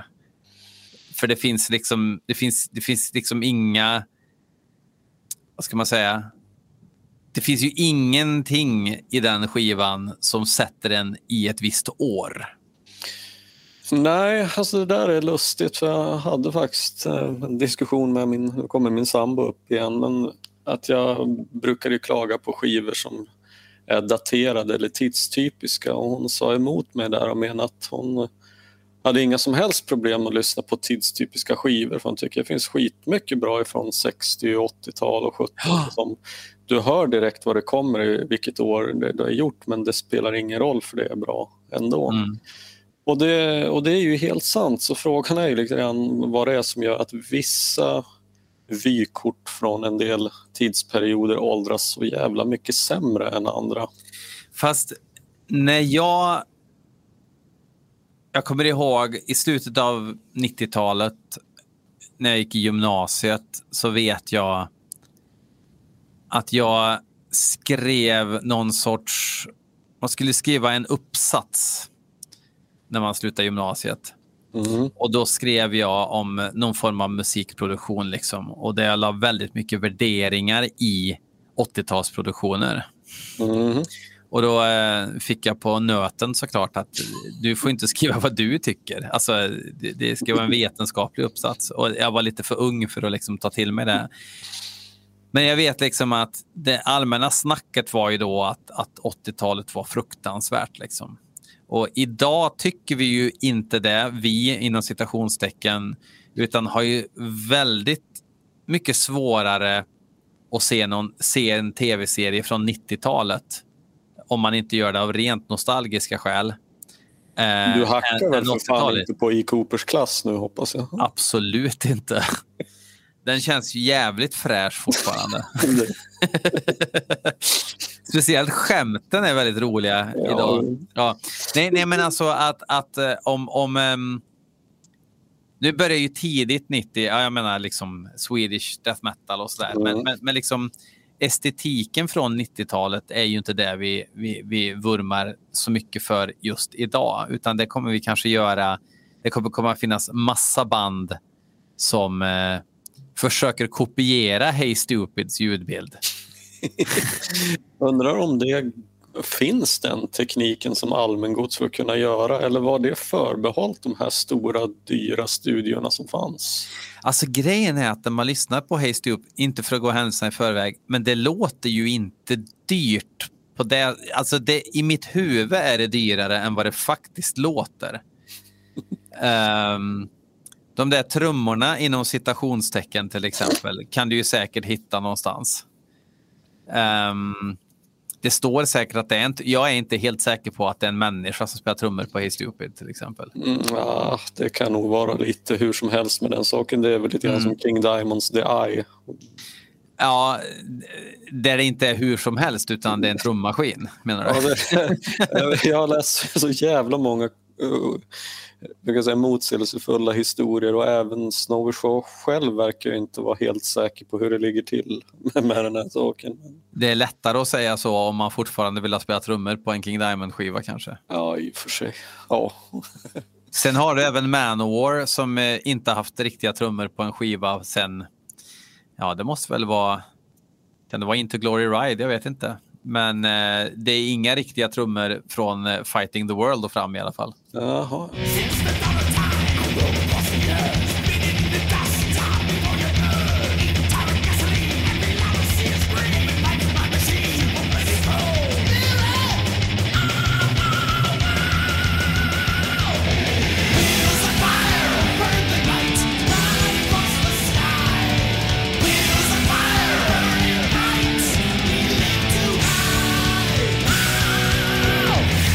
Nej, men alltså jag själv har ju blivit lurad eller vad man ska säga. Är, jag hade inte för mitt liv kunnat ana att det till exempel inte var akustiska trummor på, på Type Negatives October Rust, för det var jag helt övertygad om att det var. Men så Mm. var icke fallet, tydligen. Det var väl ehm, eh, Slow Deep and Hard som var den enda skivan med trummor på tills sista skivan Dead Again, va? Bloody Kisses är också, har också akustiska trummor. Är det så? Ja, det ska det vara. Det var ju deras första trummis där, Sal Labriscato som Mm. körde. Jag, jag, jag kan säga bara nu, en liten inflikare, det blir ingen årsbästa lista För att jag har ju pratat i en timme. Fan, jag hade ju gjort lite Ja. anteckningar här om, Ja. om upptäckter och grejer. Ja, men men, kan, kan, kan vi bara gå in på lite upptäckter då? Och så får jag göra ett avsnitt nästa vecka där jag bara pratar om skivor istället. Och så blir det här... Eh, Ja, men vi gör så. va, va, va, ja, det- jag har jättetrevligt så att jag antar att lyssnarna också kommer ha det. Jag hoppas det också, för det här var himla trevligt. Mm. Men vill, vill, du ta dina, vill du ta dina årsbästa upptäckter? Eller ska, eller ska vi bara prata om eh, upptäckter som vi har gjort under året som kanske inte har speciellt mycket med själv vilket år de nu släpptes att göra? Utan bara... Ja, men så, så, så kan vi göra. För, för, för jag känner att ehm, jag, jag spelar nog lite musik och sådär. Om jag ska lägga musik på det här avsnittet också så kommer vi... då kommer det bli... Eh, ja, vad kommer det, det kommer bli dansa med vargar-längd på den här. Eh, och det är ju jätteintressant. Upptäckter. Då, då får jag tänka från scratch här. Vad fan har jag upptäckt i år? Men, men eh, kör på och så, och så elaborerar jag på Mm. det du säger istället. Okej. Ja, jag har skrivit upp lite, så här, tre olika kategorier kan man säga. Mm. Eh, Den ena heter Wow, det här var bra. Den andra heter Meh. Och det... Alltså hur ska man säga? Man kommer alltid att konfronteras med skivor som helt enkelt bara är dåliga och inte är speciellt intressanta att prata om. Därför att de är bara... Ja, men de intresserar en inte och engagerar en inte. Nej. Eh, Och de kan man kanske lämna därhän. Och med min kategori meh var sånt som jag hade förväntat mig att jag skulle tycka bättre om. Eller jag hade någon slags både förhoppning och eh, ja, att jag blev kanske lite förvånad över att det inte var bättre än vad det var. Mm. Och så har jag en tredje kategori som kort och gott är ett frågetecken som jag inte vet vad jag tycker om men som jag har, jag har registrerat och försöker bilda mig någon slags uppfattning om. Typ. Okej. Och Då, då pratar vi om skivsläpp nu alltså? Ja, precis. Ja. Mm, mm. Och då, alltså det här är ju skivsläpp ifrån, ja det är väl åtminstone från början av 80-talet och framåt. Ja, Okej. Ja. Mm. Så det är färskt. ja, det känns, ja, men det känns fräscht. Eh, ja. ja, kör på och så, och så kan jag tycka till lite. Ja, eh, jag kan väl börja med att säga att många såna här retroupptäckter jag har gjort har skett i att köpa på mig inte, sannolikt inte helt officiella och legala släpp men i form av polska kassettsläpp ifrån början av 90-talet. Mm. Mm. Och mycket av det har att göra med att skivor jag verkligen skulle vilja lägga vantarna på men som jag inte har någon lust att spendera speciellt mycket pengar på är ofta de här ganska tidiga Nuclear Blast-släppen som kom där i början av 90-talet. Typ Disharmonic Orchestra och sånt där? Eller? Exakt, då. ja precis. Och Brutality och Resurrection och allt vad de heter. Mm. Eh, och av någon jävla anledning så kostar ju de här mer än vad... eh, ja, liksom priset för det här motsvarar ju mindre länders BNP på, på Discogs och liknande. Mm. Och jag, ja, smaken är väl olika men jag, jag har aldrig spenderat speciellt mycket pengar på en enskild skiva för jag tycker inte att det är särskilt kul. Alltså allt går att få tag på om man är villig att lägga ner pengar men Mm. jag tycker det är roligare att bara mer snubbla över saker och få dem till, som fynd. Mm. Eh, Men i varje fall att det här problemet med tidiga Nuclear Blast-släpp kan sägas vara löst så man går till en mer inofficiell handel med polska kassetter. Mm. Eh, Och via det och eh, tvivelaktiga försäljare på Facebook som får ses som kranar i sammanhanget så köpte jag på mig ett gäng för inte så länge sedan. Initialerna JV. Eh, Nej, faktiskt inte, men han, han, han var med och budade på några av de här. Ja, det förvånar mig inte. Ja. Mm. Mm. Nej, fel att säga tvivelaktig. Jag är ju otroligt glad att, att någon eh, gör det här, eh, ska sägas. Så, Absolut, absolut. eh, men okej. eh, ett band, eh, Merciless The Awakening, är en sån där Mm. skiva som jag egentligen aldrig har riktigt hört förrän nu. Oj, Ja, jag vilken fattar det. grej. Ja, jag, jag vet, det är helt ofattbart. Men, Ja. men grejen var liksom att jag första gången som jag hörde Merciless eller upptäckte dem eller vad man ska säga var Alltså det är så tidigt som, det, det är 94 och då var jag precis fyllda 14 år. Mm. Och då hade de släppt Unbound Mm. och jag tyckte aldrig att den var så där vansinnigt spännande vare sig på det ena eller andra sättet. Nej. Så att det där blev ett band som jag mer förstod hade lite kultstatus men som jag aldrig riktigt... Alltså det var ju bra den skivan Unbound men inte så mycket mer. Och sen så bara fanns de med utan att jag tog speciellt mycket notis till dem.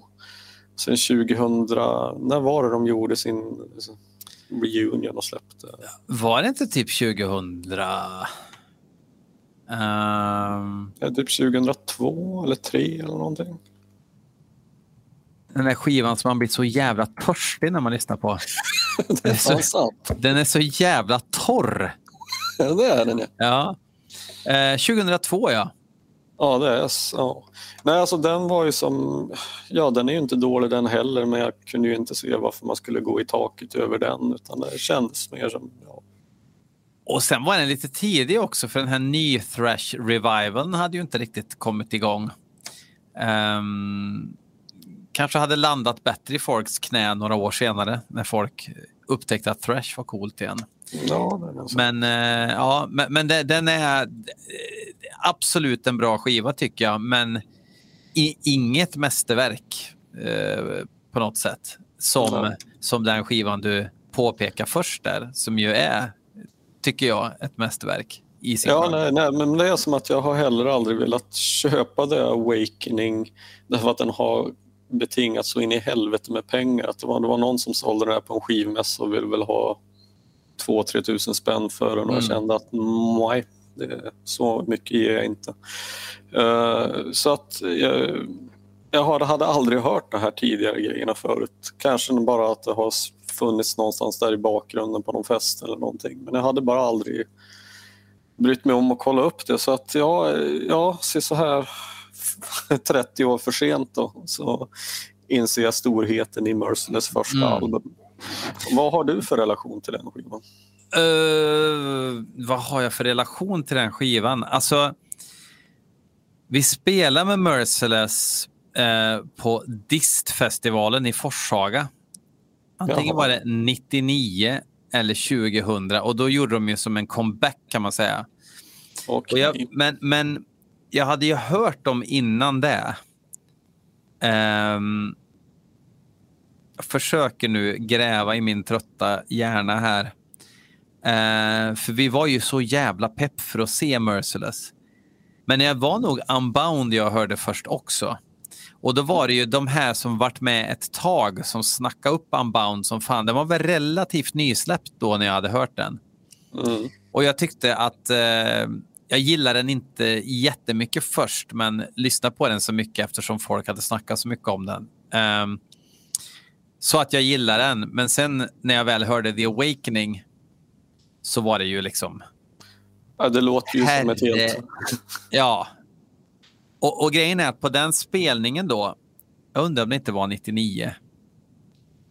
Så eh, ja, det är säkert, ja, jag vet att det är lyssnare som har varit på, jag har nämnt Distfestivalen flera gånger i podden och folk har varit på den, så det är säkert de som har rätta, men det kanske var 2000 också. Och då filmade jag Merciless när de spelade också, eh, några låtar. Och då körde de ju liksom Pure Hate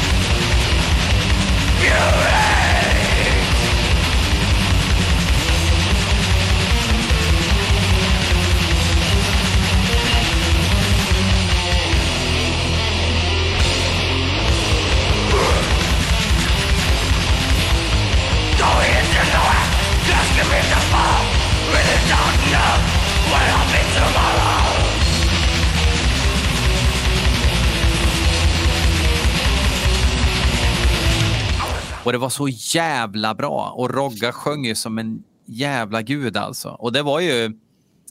Det var flinta på trummor då, det var inte stipen. Mm. Ehm, och då i alla fall så, det var i Forshaga och det var ju, jag sov i en, det var ju Rockkällaren i Forshaga som anordnade festivalen. Det var ju kanske den, en av de få festivalerna i Sverige då som hade bara extrema band liksom. Mm. Ehm, det var någon, vad fan hette Too Heavy For You? Ja, hade vi också. Men, men, men, men Dist var en av få oaser liksom, som, som man åkte till om man gillar eh, metal. Och metal var ju fortfarande inte riktigt, det var ju inte coolt.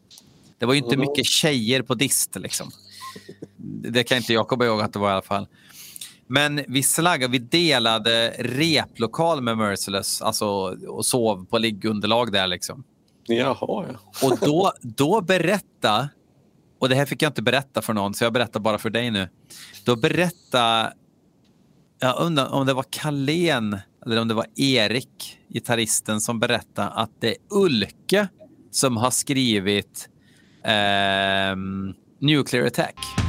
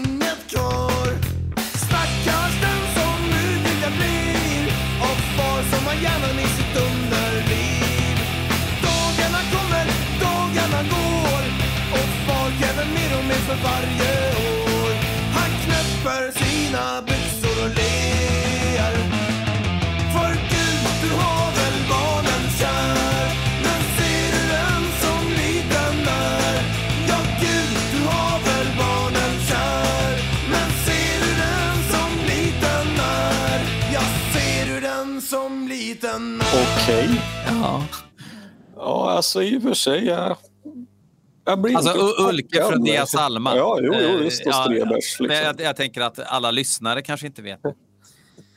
Ehm, för de, jag menar, Stipen spelar ju trummor i Dia Salma och hoppar ju in i Strebers där efter att deras originaltrummis stod eh, innan Ja. Strebers la ner. Var med i Dia Salma. Så det var ju kompisband liksom. Jo, nej men det... Ja, men och jag menar texten ligger väl inte speciellt långt ifrån vad en del Nej. Strebers och Dia Alma pysslar Och då, och då ska man veta att det var ju inte coolt att, att vara en heavyrocker och lyssna på Dia Salma då. Liksom. Idag skiter ju folk i vilket, tycker bara att det är kul kuriosa. Eh, så jag fick det från hästens mun. Så nu kanske jag har en attorney på mig här sen som ska stämma mig för att jag är förtal och grejer. Eh, jag vet inte om det var bara fyllesnack, men varför, det hittar man väl inte på. Så- Nej, alltså jag menar varför inte? Eh, Men och Nuclear Attack den är väl också med på, den är väl med på Unbound som jag minns. Precis, men den var ju med på deras eh, demo.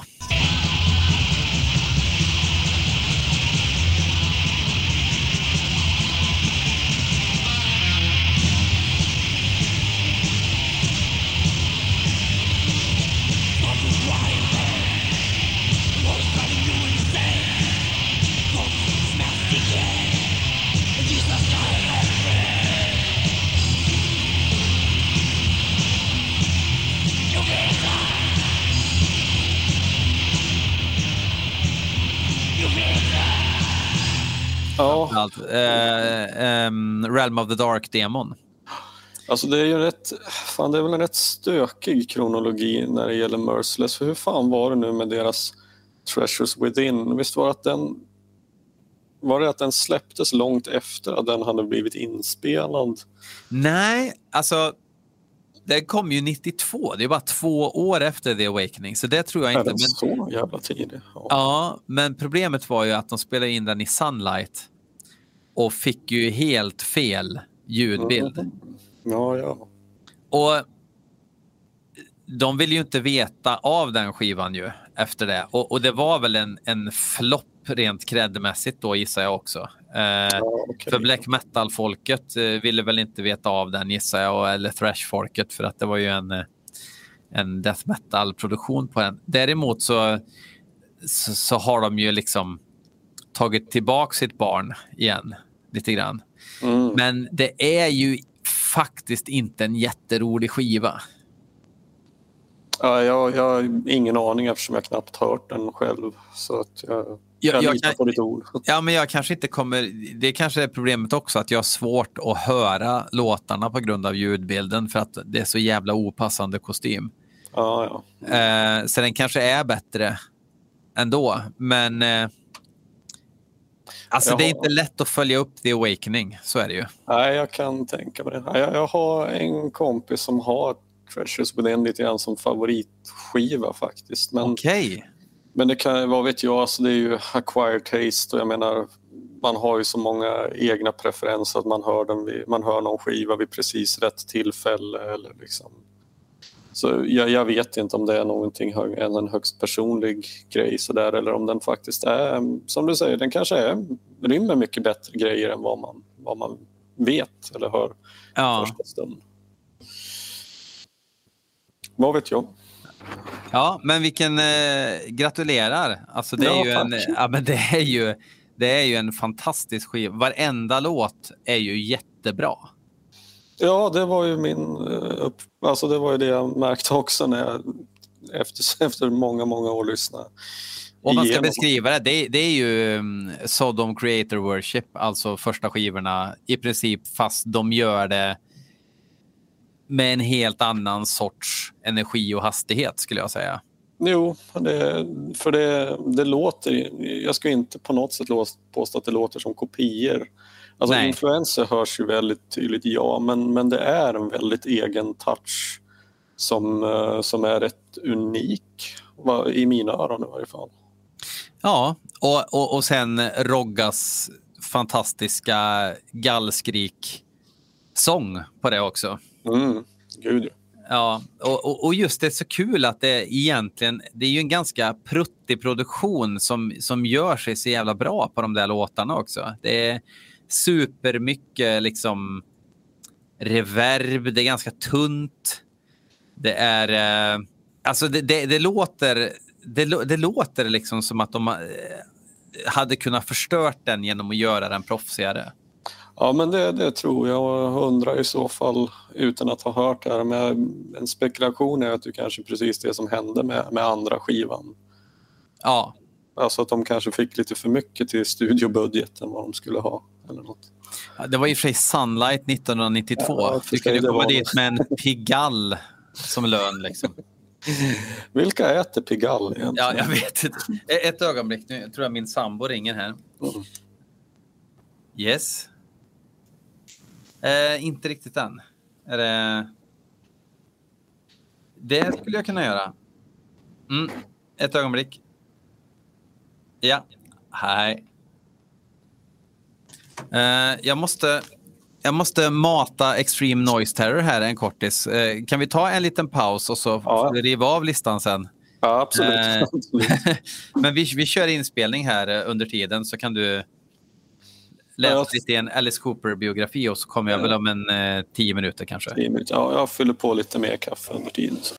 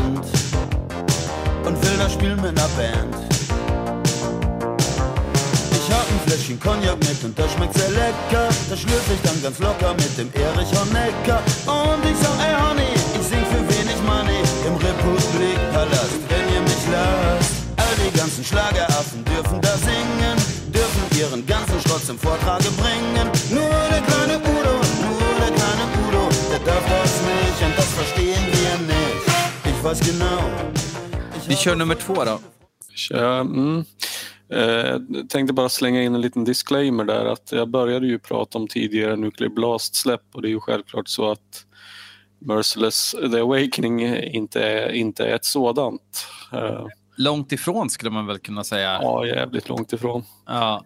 Eh, Däremot så tänkte jag ta upp eh, ett sådant. Jag tänkte nämna Revenants Prophecies of a Dying World. ja, som även låg på Wild Rags en sväng. Ja, det kanske minsann de gjorde. Han var ute och cykla. Vart är det de kommer ifrån? Det finns ju tolv. Uh, Prophecy, jag måste nästan fuskkolla själv. De kommer från eh, de Förenta Staterna. Mm. Eh, Prophecies of a Dying World, Nuclear Blast, ja. Det här var väl eh, ett sånt där band som hamnade väldigt mycket i skymundan för de är väl nu blir jag lite osäker, men visst, de är ju inte ens med på Death is just the beginning 2 som ju var lite av en kanonsamlingsskiva. Ja, jävlar. Den, den har jag faktiskt, eh, vinylen. Som jag, Oj, ja. jag fick den med andra skitskivor som eh, Realm of Chaos och eh, vad var det mer för skräpskiva? Om det, om det var... Eh, ja, det var någon autopsy-LP också som jag fick av min, av, av min storebrors kompis som bara sa ah, det här skiten tycker väl du om? Ja. ja. Men alltså, hur hade, hur, hade han fått dem till att börja med? Nej, men han var väl den här smala gruppen människor som lyssnar på eh, death metal för att det var coolt bara i fyra månader liksom. Eh, Herregud. och några år äldre och växte ifrån det där sen. Ja, ja, Ja. det är bara att gratulera. Det är ju skönt Tack att det så mycket. finns sådana också, alltså som helt enkelt slänger ifrån sig guldklimpar. Jo, fast det här var ju ganska länge sedan också. Det här är ju, det här är ju 90-tal liksom, när, när LP-skivor var löjligt. Där eh, folk sålde LP för att köpa CD-varianterna och så här. Så att eh, det var ju den eran. Så jag vet Oj. inte om de var värda så mycket ens då faktiskt. Nej, alltså det där är väl någonting som kom långt senare. Ehm, vilket ju är lite lustigt för jag själv har ju aldrig varit inne på vinyl egentligen. Jag har väl ett par hundra stycken kanske men resterande i samling är egentligen bara CD-skivor och ja, ett par hundra kassetter också kanske. Mm. Ehm, Men jag du- har ju alltid köpt LP, alltså genom 90-talet också. Alltså, eller alltid ska jag väl inte säga, men, men, men jag, jag har aldrig föredragit CD riktigt. Alltså un, under mitt seriösa musiklyssnande. Så att man köpte ju på sig lite Hellacopters och sådär när det kom. Och det har ju visat sig vara en, en bra investering. Ja, jo, nej, men det, det får jag säga. Det nej, kan man jag- inte tro när man hör senaste singeln, men det kan vi ta en annan gång. Ja, nej, jag såg att du det hördes ett rullande från graven, höll jag på att säga. Det kanske blir osmakligt med tanke på en av deras medlemmars bortgång. Jag vet inte, du kanske får klippa bort det. Ja, ja, ja, ja nej, jag, jag, tror, jag tror inte någon drar den parallellen. nu gör de det i och för sig, men Ja, ja. kanske Okej. inte hade gjort det. Eh. Skitfult omslag på den här Revenant-skivan för övrigt. Ja, det är inte vackert. Det, nej, alltså, I i ärlighetens namn ska jag säga så här att jag, det här faller lite grann under mitt frågetecken-kategori. Att jag vet inte riktigt vad jag ska ha för, för åsikt om skivan. Än annat än att det är en sån här grej som jag har letat efter ganska länge. Men eh, efter att ha lyssnat igenom den ett par gånger så kan jag säga att jag tyckte väl inte att den var så fantastisk som jag hade hoppats Nej. på och jag vet inte om jag tycker det verkligen rör sig om en glömd eller gömd juvel. Eh, Men jag vill att den ska vara det av Mm. någon anledning. Mm. Kanske för att det är ett av de här eh, tidiga Nuclear Blast-banden som jag inte har haft någon relation till alls tidigare utan att de varit lite mer av de här, de här skumma gängen som inte gjorde något väsen av sig direkt alls. Nej. Jag vet inte, har du lyssnat på dem någonting? Jag, jag, kommer, jag, jag har hört det här, men jag kommer inte ihåg hur det låter. Just Ja, det- därför, eftersom de inte är med på samlingen heller. Nej, precis. Det är lite tidstypiskt, men eh, alltså det är tidstypisk dödsmetall från den perioden. Så att jag vet inte, med rätt antal lyssningar så kanske det, lossnar. Jag vet inte riktigt. Det är ju a social conscience i alla fall. Ehm, det är ju miljöförstöring eh, på omslaget. eh, Mm, det är det. Mm. Ja, eh, ja, jag vet den kanske inte var så jätterolig. Du får ju klippa lite grann som du vill i det här. Ja, ja, jag orkar aldrig klippa, så att jag, jag, brukar ta med, jag brukar ta med det mesta. Okej, men- jag kan ta en lite roligare skiva då, som jag också Mm. har letat efter i enormt lång tid. Eh, Det är ett CD-släpp av John Zorns gamla grupp Painkiller med skivan Ja. Guts of a Virgin. Oh, vad, ja, lyssnar du på John Zorn, Painkiller och hans grejer? Eh, Painkiller har jag lyssnat väldigt lite på. Däremot så har jag lyssnat på hans eh, kakofoniska grejer en del. Alltså eh, när han tolkar Morricone och sådär. Eh, gör, prutt- har jag också. prutt- gör lite pruttljud i en saxofon var tredje minut och sen lite vind och sen några som hoar i bakgrunden och sådär. Men, men jag hade en period där jag var väldigt fascinerad av John Zorn. Kanske som, som kulturperson framför att jag älskade all hans musik. Det ska jag absolut inte påstå. Men eh, man, man gillar ju en person som har sagt fuck off till jazzvärlden. Ehm, jag gillar ju också Torture Garden supermycket. Naked City-skivan.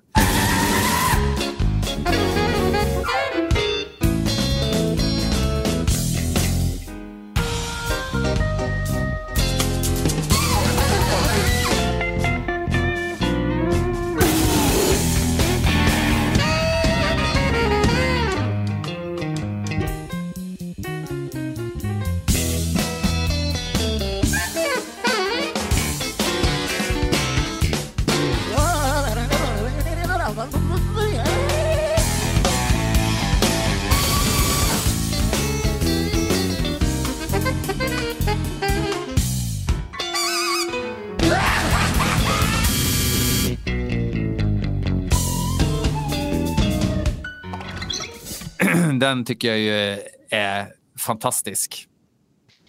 Ja, den har jag ju mest hört i och med att den agerar soundtrack till Mikael Haneke-filmen Funny Games. Ja! Vad kul att du säger det, för att eh, jag, nu, när, nu när vi pr- pratar om Torture Garden så, så tänkte jag de lyssnar aktivt på den skivan i en bil i en film. Det gör de och den dyker ju upp även i en senare scen i filmen när det har gått ungefär en timme eller någonting. Och det är ju verkligen att då, då slår ju en av de här huvudantagonisterna på skivan verkligen. Så Ja. att det är medvetet att det är, det är Naked City som, som spelas. För, men det, i bilen så pratar de ju om skivan också när de sätter i den i stereon, vilket jag tyckte var väldigt... Eh, alltså jag har sett den en gång och det var väl typ när den kom. Jag tror, det här det, det är lustigt, det här tror jag du minns fel. faktiskt. Ja, ja men det, det gör jag säkert. Jag, som sagt, jag eh, har sett den en gång. Eh, nej, men det är som så att för filmen inleds ju med att det är ett par som ska åka ut till sin sommarstuga och det är puttenuttigt värre. Mm. En man och en kvinna, deras barn och hund och så sitter de och kör, inte gissa bandet men väl gissa den klassiska kompositören. Och eh, plötsligt när de har gjort det en stund så bryts det här av tämligen tvärt och så hör man Naked City istället för Shostakovich eller vad det nu än är. Okej, så kanske det är ja. Men, eh, men senare i filmen så är det absolut så att den spelas helt medvetet som att man ska veta vad det är. Och vart Mikael Haneke hade hört Naked City, det vet jag inte men eh, man blev ju glad liksom. Ja, ja, men det var verkligen en nickning till eh, utanförskapsvärlden på något vis. Men eh, jävligt obehaglig film. Den måste jag se om alltså. Jag har för mig att eh, det är en film man tänkte på ett tag efteråt. Väldigt Den- punchable face på antagonisten, eller vad man ska kalla honom. Där. jo, det får man ju sä- säga. Nej, det, det är ju en helt fantastisk film. Jag såg den också ganska precis när den hade kommit ut. Eh, man, man bör ju se originalet, alltså den tyskspråkiga versionen. Okej, okej. Eh, Det kom ju en amerikansk version som eh, Naomi Watts är med och det var faktiskt hon som producerade den och såg till så att den blev av. Är, det den, är det den amerikanska jag har sett bara alltså? Ja, det kanske det är. För Ja. Den tyskspråkiga kom 98 tror jag och Funny Games US tror jag dök upp, när kan det vara, 2002, 2003? Ja, men det låter jätterimligt i, i min tidslinje. Okej, då har jag sett den amerikanska. Kan det vara så att båda har rätt då? Eh, det är alls inte omöjligt. Eh, jag har bara sett den amerikanska en gång och den är alls inte dålig. Eh, den är ju gjord av Haneke också så att den är ju liksom en slags shot for shot. Det, det är verkligen en Mm. remake. Det, det är inte en alternativ historia eller någonting sånt utan den, den följer originalfilmen väldigt troget. Mm. Men jag tror att den filmen kom ju också, både den eh, tyskspråkiga och den eh, engelskspråkiga kom, kom ju väldigt rätt på det viset att eh, idén om eh, terror och home invasion det var någonting som inte hade synts till på film i thriller och skräckfilm på ganska lång tid. Nej. På 70-talet var det tydligen ett ganska vanligt koncept men sen övergavs det och glömdes bort. Och sen så slog han, slog han väl till med den här filmen när det hade gått precis så lång tid att man, det var någonting nytt igen. Så att Mm. jag, hade aldrig sett något liknande tidigare utan jag, jag satt med många höjda ögonbryn och ja, men det, det var en obehaglig jävla upplevelse. Man kan väl nästan säga att... ehm, tappar jag namnet? Vad heter den då? Superklassiska. Vad är det? 60-tal också? Ja, men alltså, jätte- alltså, det är ungefär som jag undrar vad Guns N' Roses heter här nu. Ehm, gänget som tar sig in hos folk och pajar grejer och eh, misshandlar. Vad fan heter den? Eh, Clockwork Orange. Ja, såklart. Ja. Det är ju Home Invasion om något. Det är det, visst. Och sen och tillbakagången Lost Highway har ju inslag av det också. Mm. Eh, Fast på ett mer psykologiskt sätt kanske snarare än rent fysiskt sätt.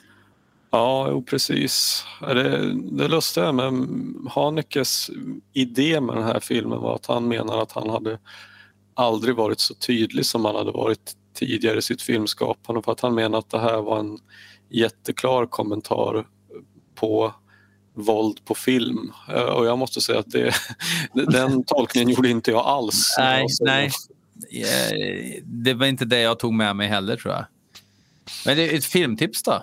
Ja, ja absolut. Ja. Eh, Både, alltså det skulle vara kul man ser både den amerikanska och den tyska eller österrikiska blir det väl egentligen för han är österrikare.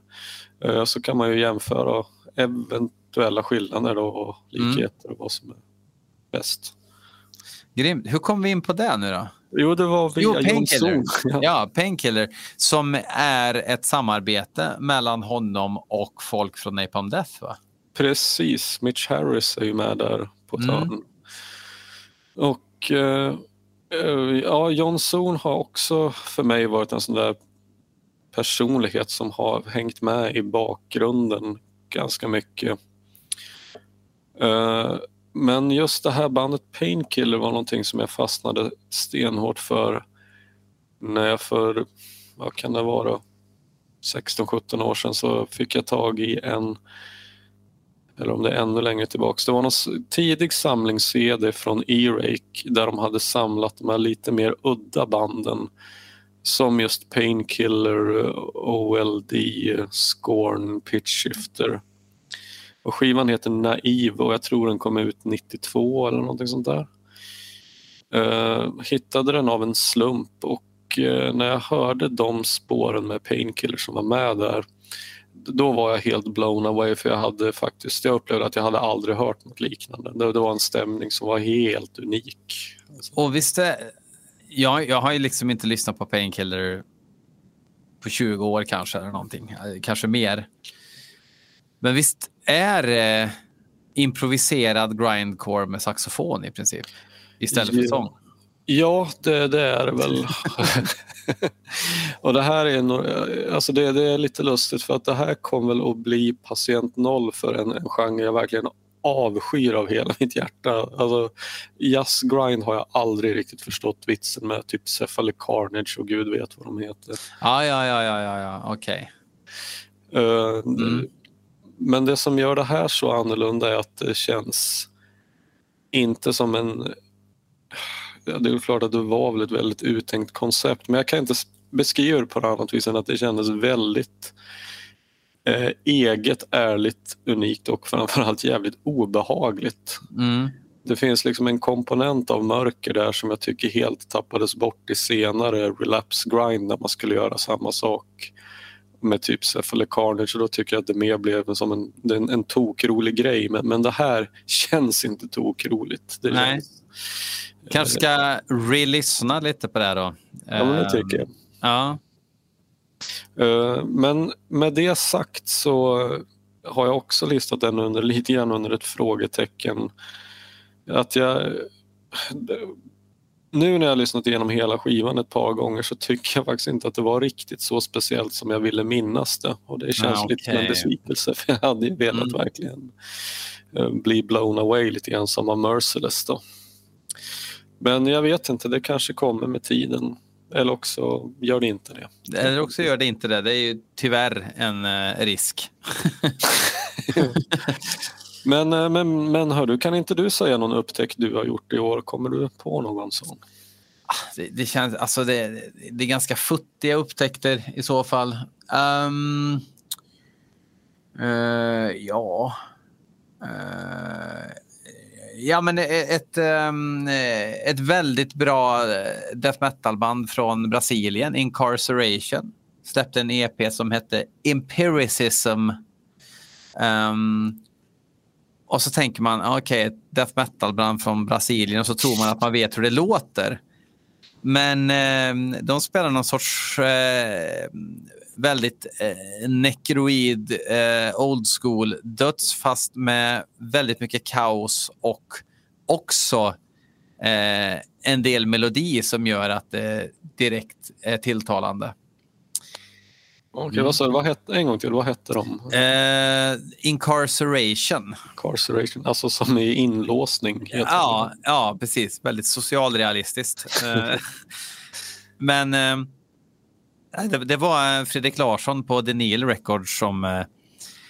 Mm, tipsade om den. Så jag, jag brukar köpa lite skivor av honom ibland och så ja, men stäng på den. Liksom. Och så drog jag på den och så var det inte alls vad jag hade förväntat mig.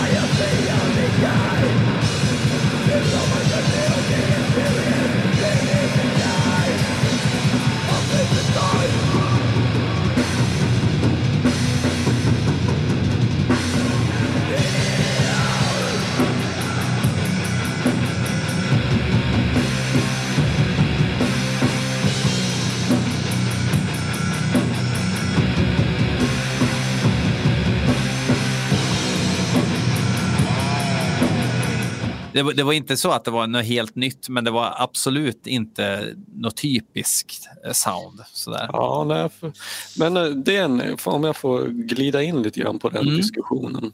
Mm.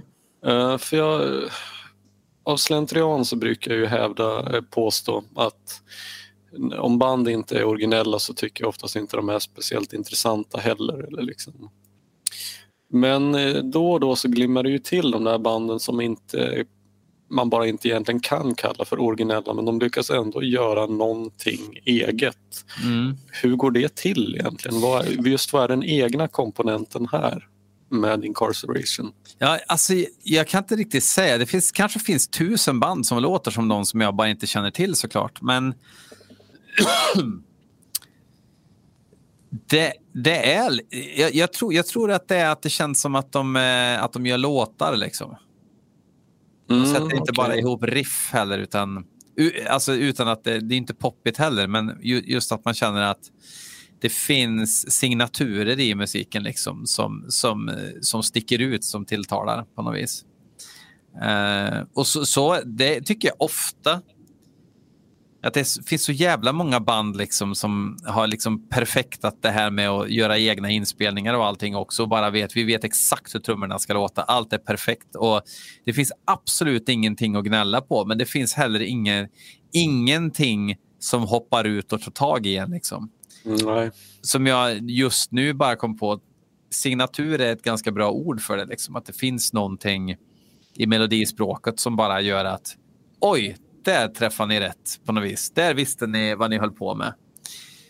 Ehm, och vi, vissa kan ju liksom eh, göra skivor som låter helt annorlunda, men man hör att det är samma band just för att det är samma kompositörer. Liksom. Ehm, som får det att funka, som inte gör att man tänker varför har ni inte bytt namn? Liksom. Mm. Ja, det, det är ju... Ja, spontant så kommer jag ju tänka på My Dying Brides 90-talsperiod där. Jag, eh, tycker att li,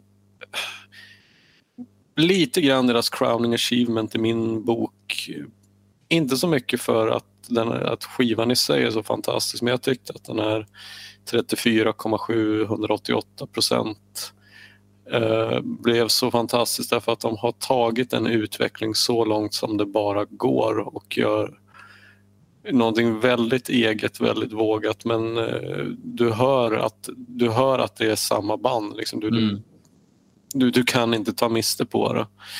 Och sen tyckte jag det var väldigt synd att de inte fortsatte på det spåret men eh, ja, det är, få, det är få band som klarar av att gå väldigt egensinniga vägar och bort Mm. från det ursprungliga men ändå hålla kärnan intakt. Så det, Men det är nog det som är grejen med just som Incarceration, ett bra exempel på ett sånt band. Det är ju inte så att jag känner att de har experimenterat sig fram till det här, utan det är bara att de råkar göra tilltalande musik liksom, som, Mm. som, som inte är anonym. ja, Eh, ja. Jag har liksom ingen relation till My Dying Bride. Jo, en grej. Jag har sjungit eh, Jerry Williams I Can Jive i en pianobar eh, för dem. Eh, Nu- klockan fyra på natten. Nu och, backar vi bandet. Nej, men det, var, det var på Maryland Death Fest 2014. Och då eh, var jag radiostyrd på väg tillbaks till hotellrummet och då sitter Birdflash, Elis eh, och Adde och Jocke också då, och ropar in mig där och så Elis är ju en jävel på piano. Alltså verkligen eh, bara, ja, men kör något med Elton John och så gör han det. Liksom. Alltså grym på piano. Och då eh, bad jag om att få framföra ett stycke eh, på sång och han spelar piano då. Och då blev det I Can Jive som ju är en eh, riktig jävla bredbent dänga. Ja, det får man ju säga. Alltså Jerka visste ju vad han gjorde. Den saken är klar.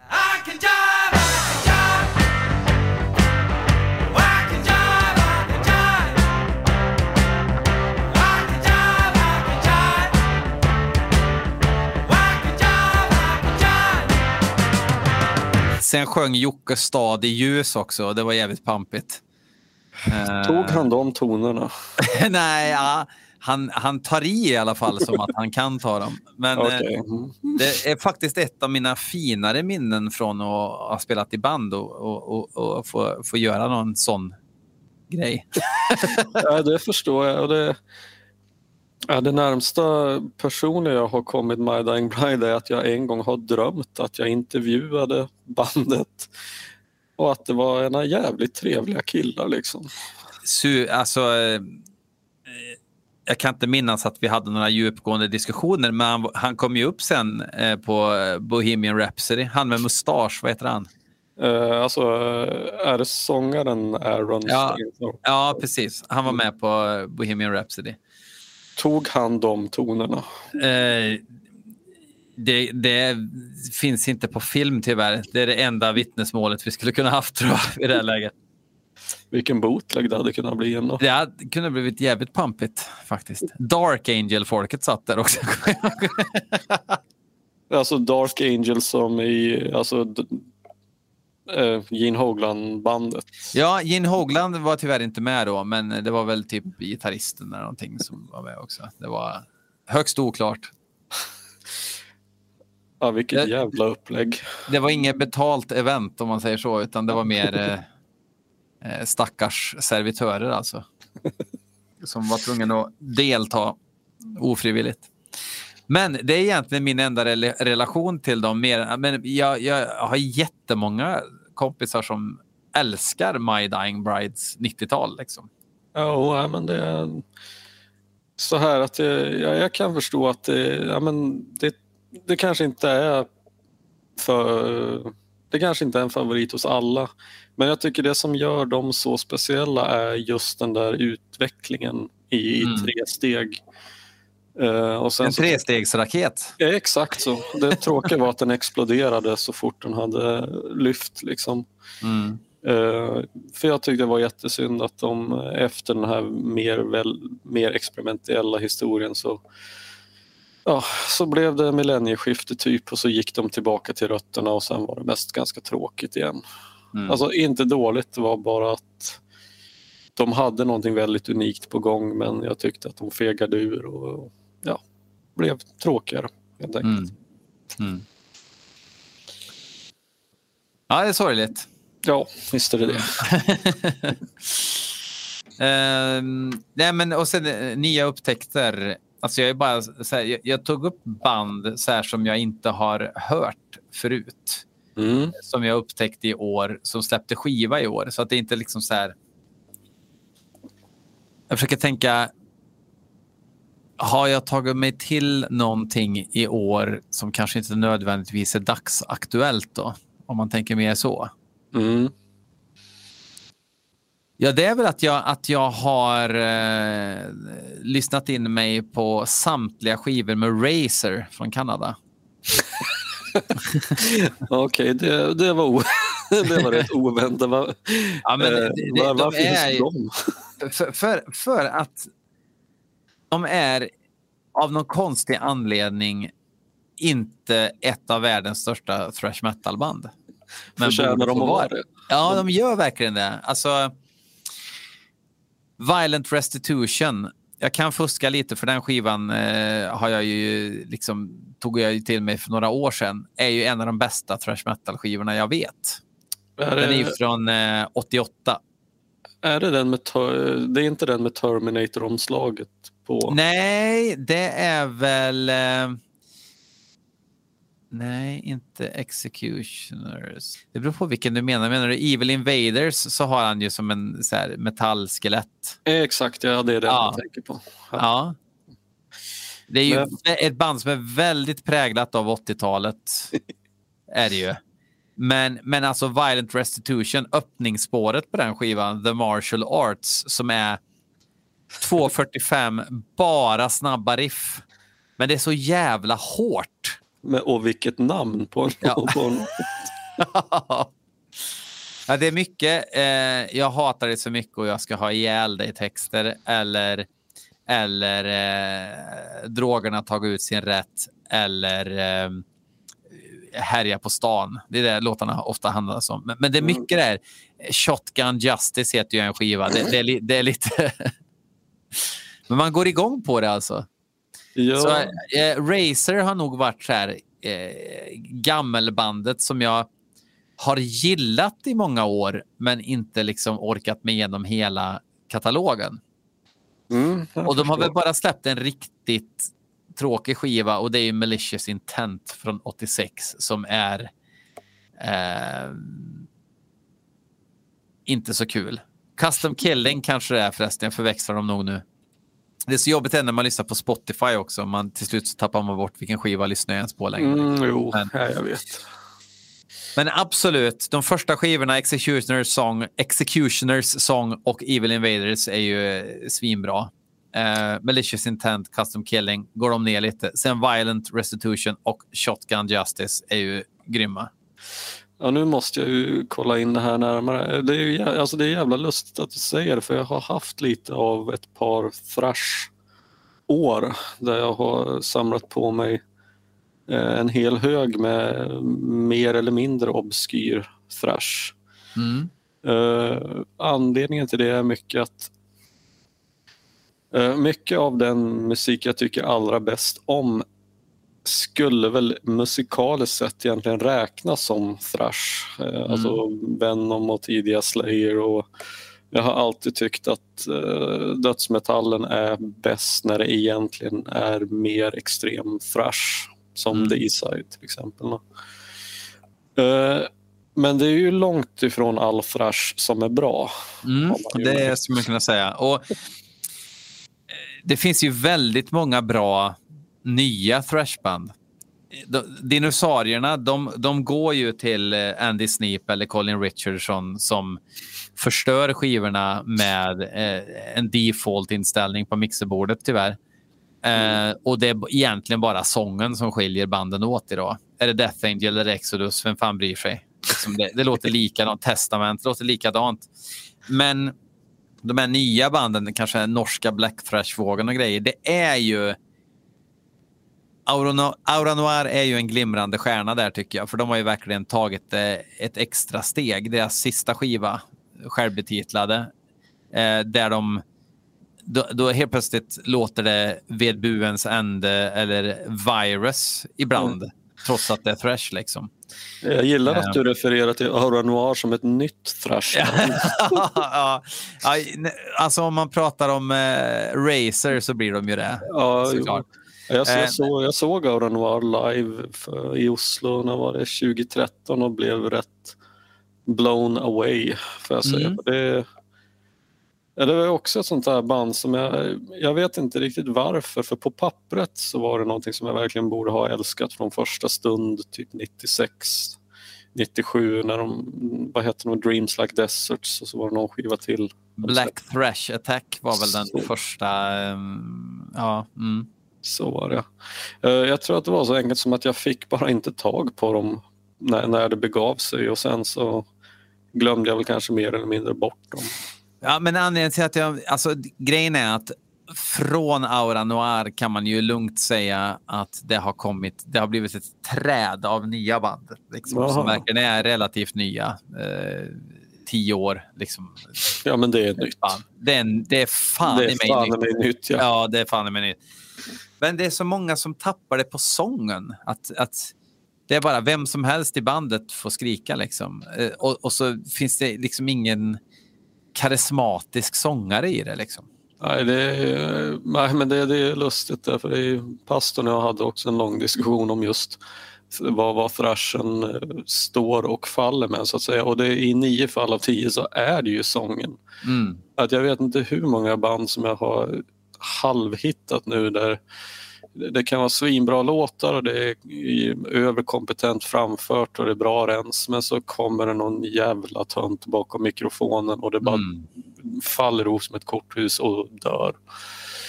Eh, och det var en väldans massa 80-talsband som leder det, typ Sacrifice och Nasty Savage och jag vet inte Mm. allt vad de heter.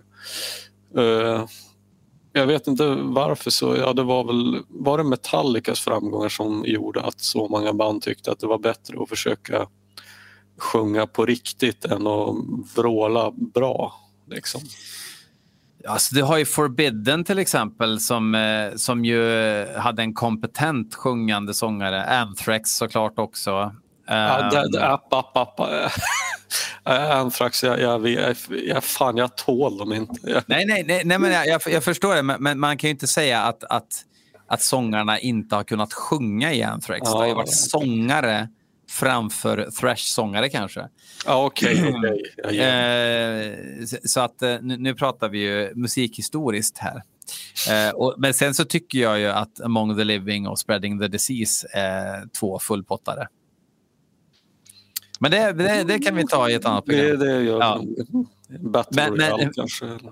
Men absolut så var det någonting att, att just sången, men, men det handlar även om de här nya banden som ska vara liksom, vi är så brutala, we don't give a fuck. Och det är lite necro. Och så är det bara skrik och sen så är låtsas Tom Araya falsett. Skrik som inte liksom, det, det, det är inte det att Tom Araya bara tryckte ur sig de där eh, ljusa skriken i Slayer, utan det, var, det, det lät ju bra också. Ja, han kunde ju artikulera och han lät ju ond. Alltså som att han Ja. faktiskt menade det han skrek. Precis. Det, Det var, det var inte bara en, en, en liten blinkning som, som det är nu när man gör det. Nej, Eh. precis. Kan, kan, Ja. jag få, kan jag få... eh, Vi, vi var ändå inne liksom med Razor kanadensisk thrash och då, då vill jag säga någonting om eh, ytterligare en upptäckt när det gäller kanadensisk thrash. Mm. Då undrar jag vad har, vad har du för relation om någon till Voivod? Jag har en mycket god, hälsosam relation med Voivod. Eh, I alla fall, alla fall grejen är, jag, jag ska vara helt ärlig, alltså jag älskar ju liksom Killing Technology, Dimension Hatros, Nothing Face. De två första skivorna har jag närmat mig med försiktighet i många år, men nu, nu, nu uppskattar jag livfullheten och lekfullheten i de skivorna. Um, och sen så, så när vi går framåt i katalogen så, så gillar jag mycket av det, inte allt. Um, och sen de senaste skivorna vill jag tycka så jävla mycket om, men det blir lite boring. Mycket på grund faktiskt av Snakes sång.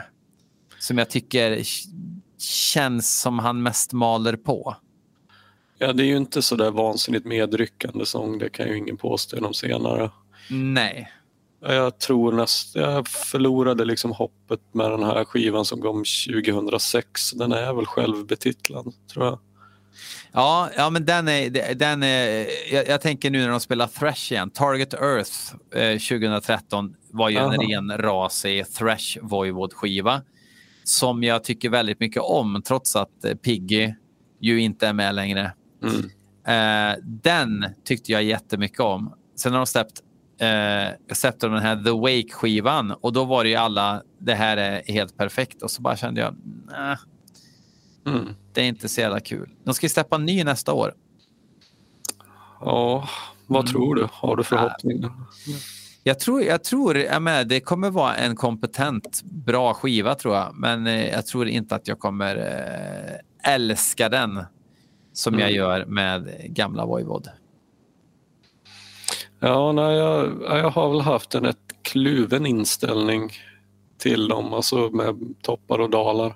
Jag hade en fäbless för Angel Rat och för Outer Limits. Mm, Outer Limits tycker jag är jävligt bra. Ja, den är väl en... eh, Jag, jag har faktiskt ingen aning om... Jag, jag var på vippen och säga att är den underskattad, men jag vet inte alls hur den egentligen togs emot när den dök upp. Jag gissar att den inte tog 93. Ja, den är okej. ja. Ja, Ja, det är 90. ja. Ja. fan det stämmer för Negatron är väl 95 eller något. Mm, Eller heter den så? Nu blir jag den, het, den heter så. Ja, det är lustigt för att den är... Jag har precis upptäckt de två första skivorna, alltså War and Pain och Ruar.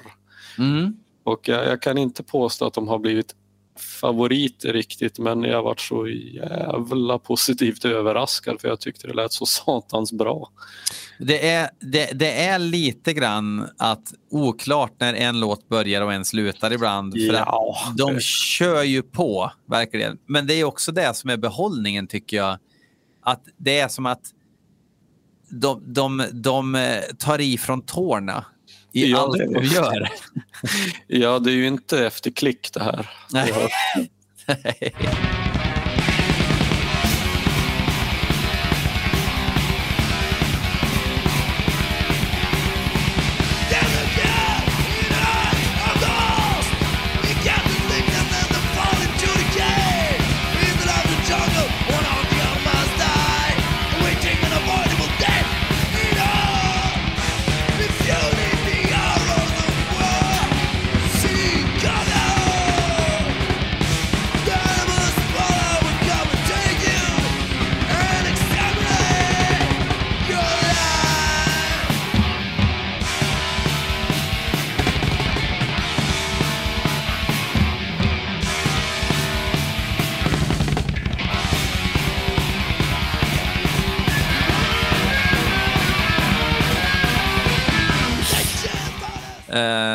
nej, men, men jag, jag hade svårt för de skivorna just eftersom det var lite för ofokuserat tyckte jag uh, förr.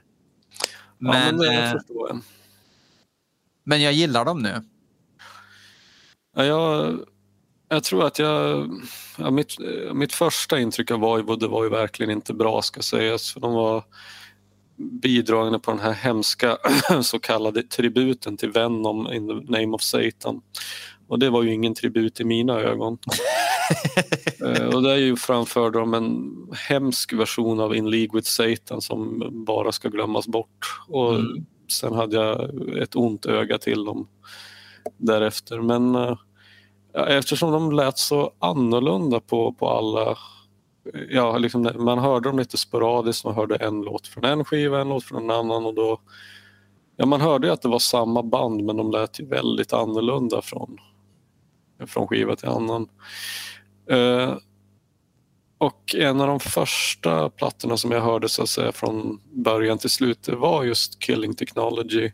Men jag tror inte att jag förstod den då. Den lät helt Nej. enkelt eh, på ett sätt som jag inte alls hade förväntat mig och därför så fastnade jag heller aldrig för den. Men den är jag väldigt sugen på att försöka återupptäcka nu som en Mm. slags nästa steg efter de två första skivorna. Mm. Den är jävligt belönande.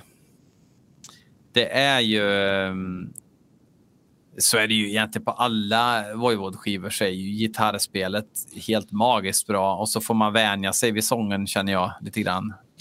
Ja, det, är Eh. ju, det står ju lite grann och faller där. Men det är kanske det som jag gillar med de här två första. Att säga vad man vill om hans sång på, på War and Pain och på det här. Men ja, alltså han, som du sa, han tar ju i. Ja, Jag men tror det- på honom. det, det, ja precis. Och det är så jävla... Det är få skivor man hör att det är nästan som att ja, men nu får vi vara färdiga med låten, nu vill vi börja på nästa. Liksom. Det, det är så jävla ovanligt att kunna kapsla den energin på en studioinspelning. Liksom. Nervösa tonåringar som går in för att spela in en skiva och får den så levande. Det är nästan helt unikt skulle jag säga. Det är klart att det finns energifulla skivor gjorda av tonåringar, men det är så jävla självsäkert framfört på något vis. Jo då, nej det håller jag med om. Nej, och också att jag, jag tror väl inte att de två banden egentligen hade någonting med varandra att göra och det är ju ungefär samtida men rent musikaliskt så låter det inte så men i energin och stämning så är det någonting i dem som påminner om Carnivore som är ett av mina absoluta favoritband. Ja, Eh, jag ja kan- det, det håller jag med om. Alltså, jag har aldrig tänkt på kopplingen förut, men jag förstår precis vad du menar nu när du säger det. Jag vet inte om det, om det är liksom eh, imagen med första Carnivore och lite grann delvis på andra med apokalypsstämningen. Och, Mm. eh, men alltså det är någonting i energin, det är en nerv som träffar som eh, på något sätt vibrerar på samma frekvens eller hur man ska säga.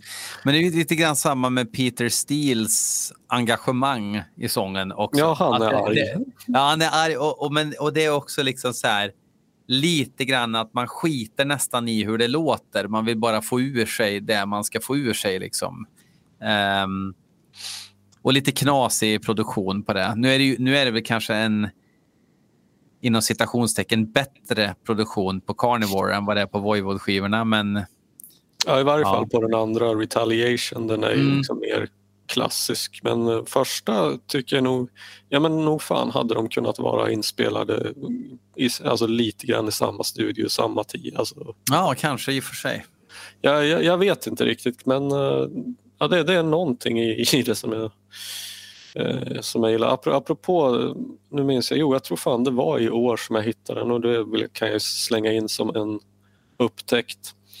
Att jag hade med ljus och lykta sökt efter biografin om Peter Steele som heter Soul on Fire och skrevs om Jeff Wagner. Eh, den finns inte. Alltså jag, vare sig alltså Amazon, svenska, amerikanska, utländska bokhandlar. Helt slut. Alltså, fanns inte att få tag på, gick inte att ladda ner, fanns inte som e-bok, ingenting. Men av någon bisarr jävla anledning när jag besöker Erikshjälpen i Sundsvall så hittar jag ett signerat exemplar av bokjäveln. Och jag, det här är inget skämt. Jag trodde att jag hallucinerade. Jag trodde alltså att jag hade fått en stroke där och då för jag kunde faktiskt inte tro på att jag hade de här i händerna. Men ja, där, där var de. Jävlar. Eh, Men du, det får nästan bli bokslut på det här Ja. samtalet. Nu. Jag ska upp på knega. Ska du också jobba imorgon? Eller? Ja, jag jobbar dock på distans hemifrån och har gjort undan så att jag, jag, jag, jag har lite, det är lite lättare för mig tror jag. Men eh, borde man inte nästan göra upp att vi fortsätter samtalet i nästa avsnitt? Jo, men Eh, jag tycker nästa vi gör vecka? det. Ja, för det känns, vi blev inte riktigt klara. Nej, det, Och så får vi ha som fokus då att jag får lista de här skivorna som jag ändå har tagit åtta minuter på mig att skriva ner här. Som, som eh, ja, ja men gud, jag har Mm. åtminstone tio plattor kvar till att snöa in på också. Så det, ja, men det är skitbra. Eh, super, super trevligt. Det här var ju liksom inte alls Absolut. planerat. Och det, det kan nog lyssnarna inte tro när de hör det här.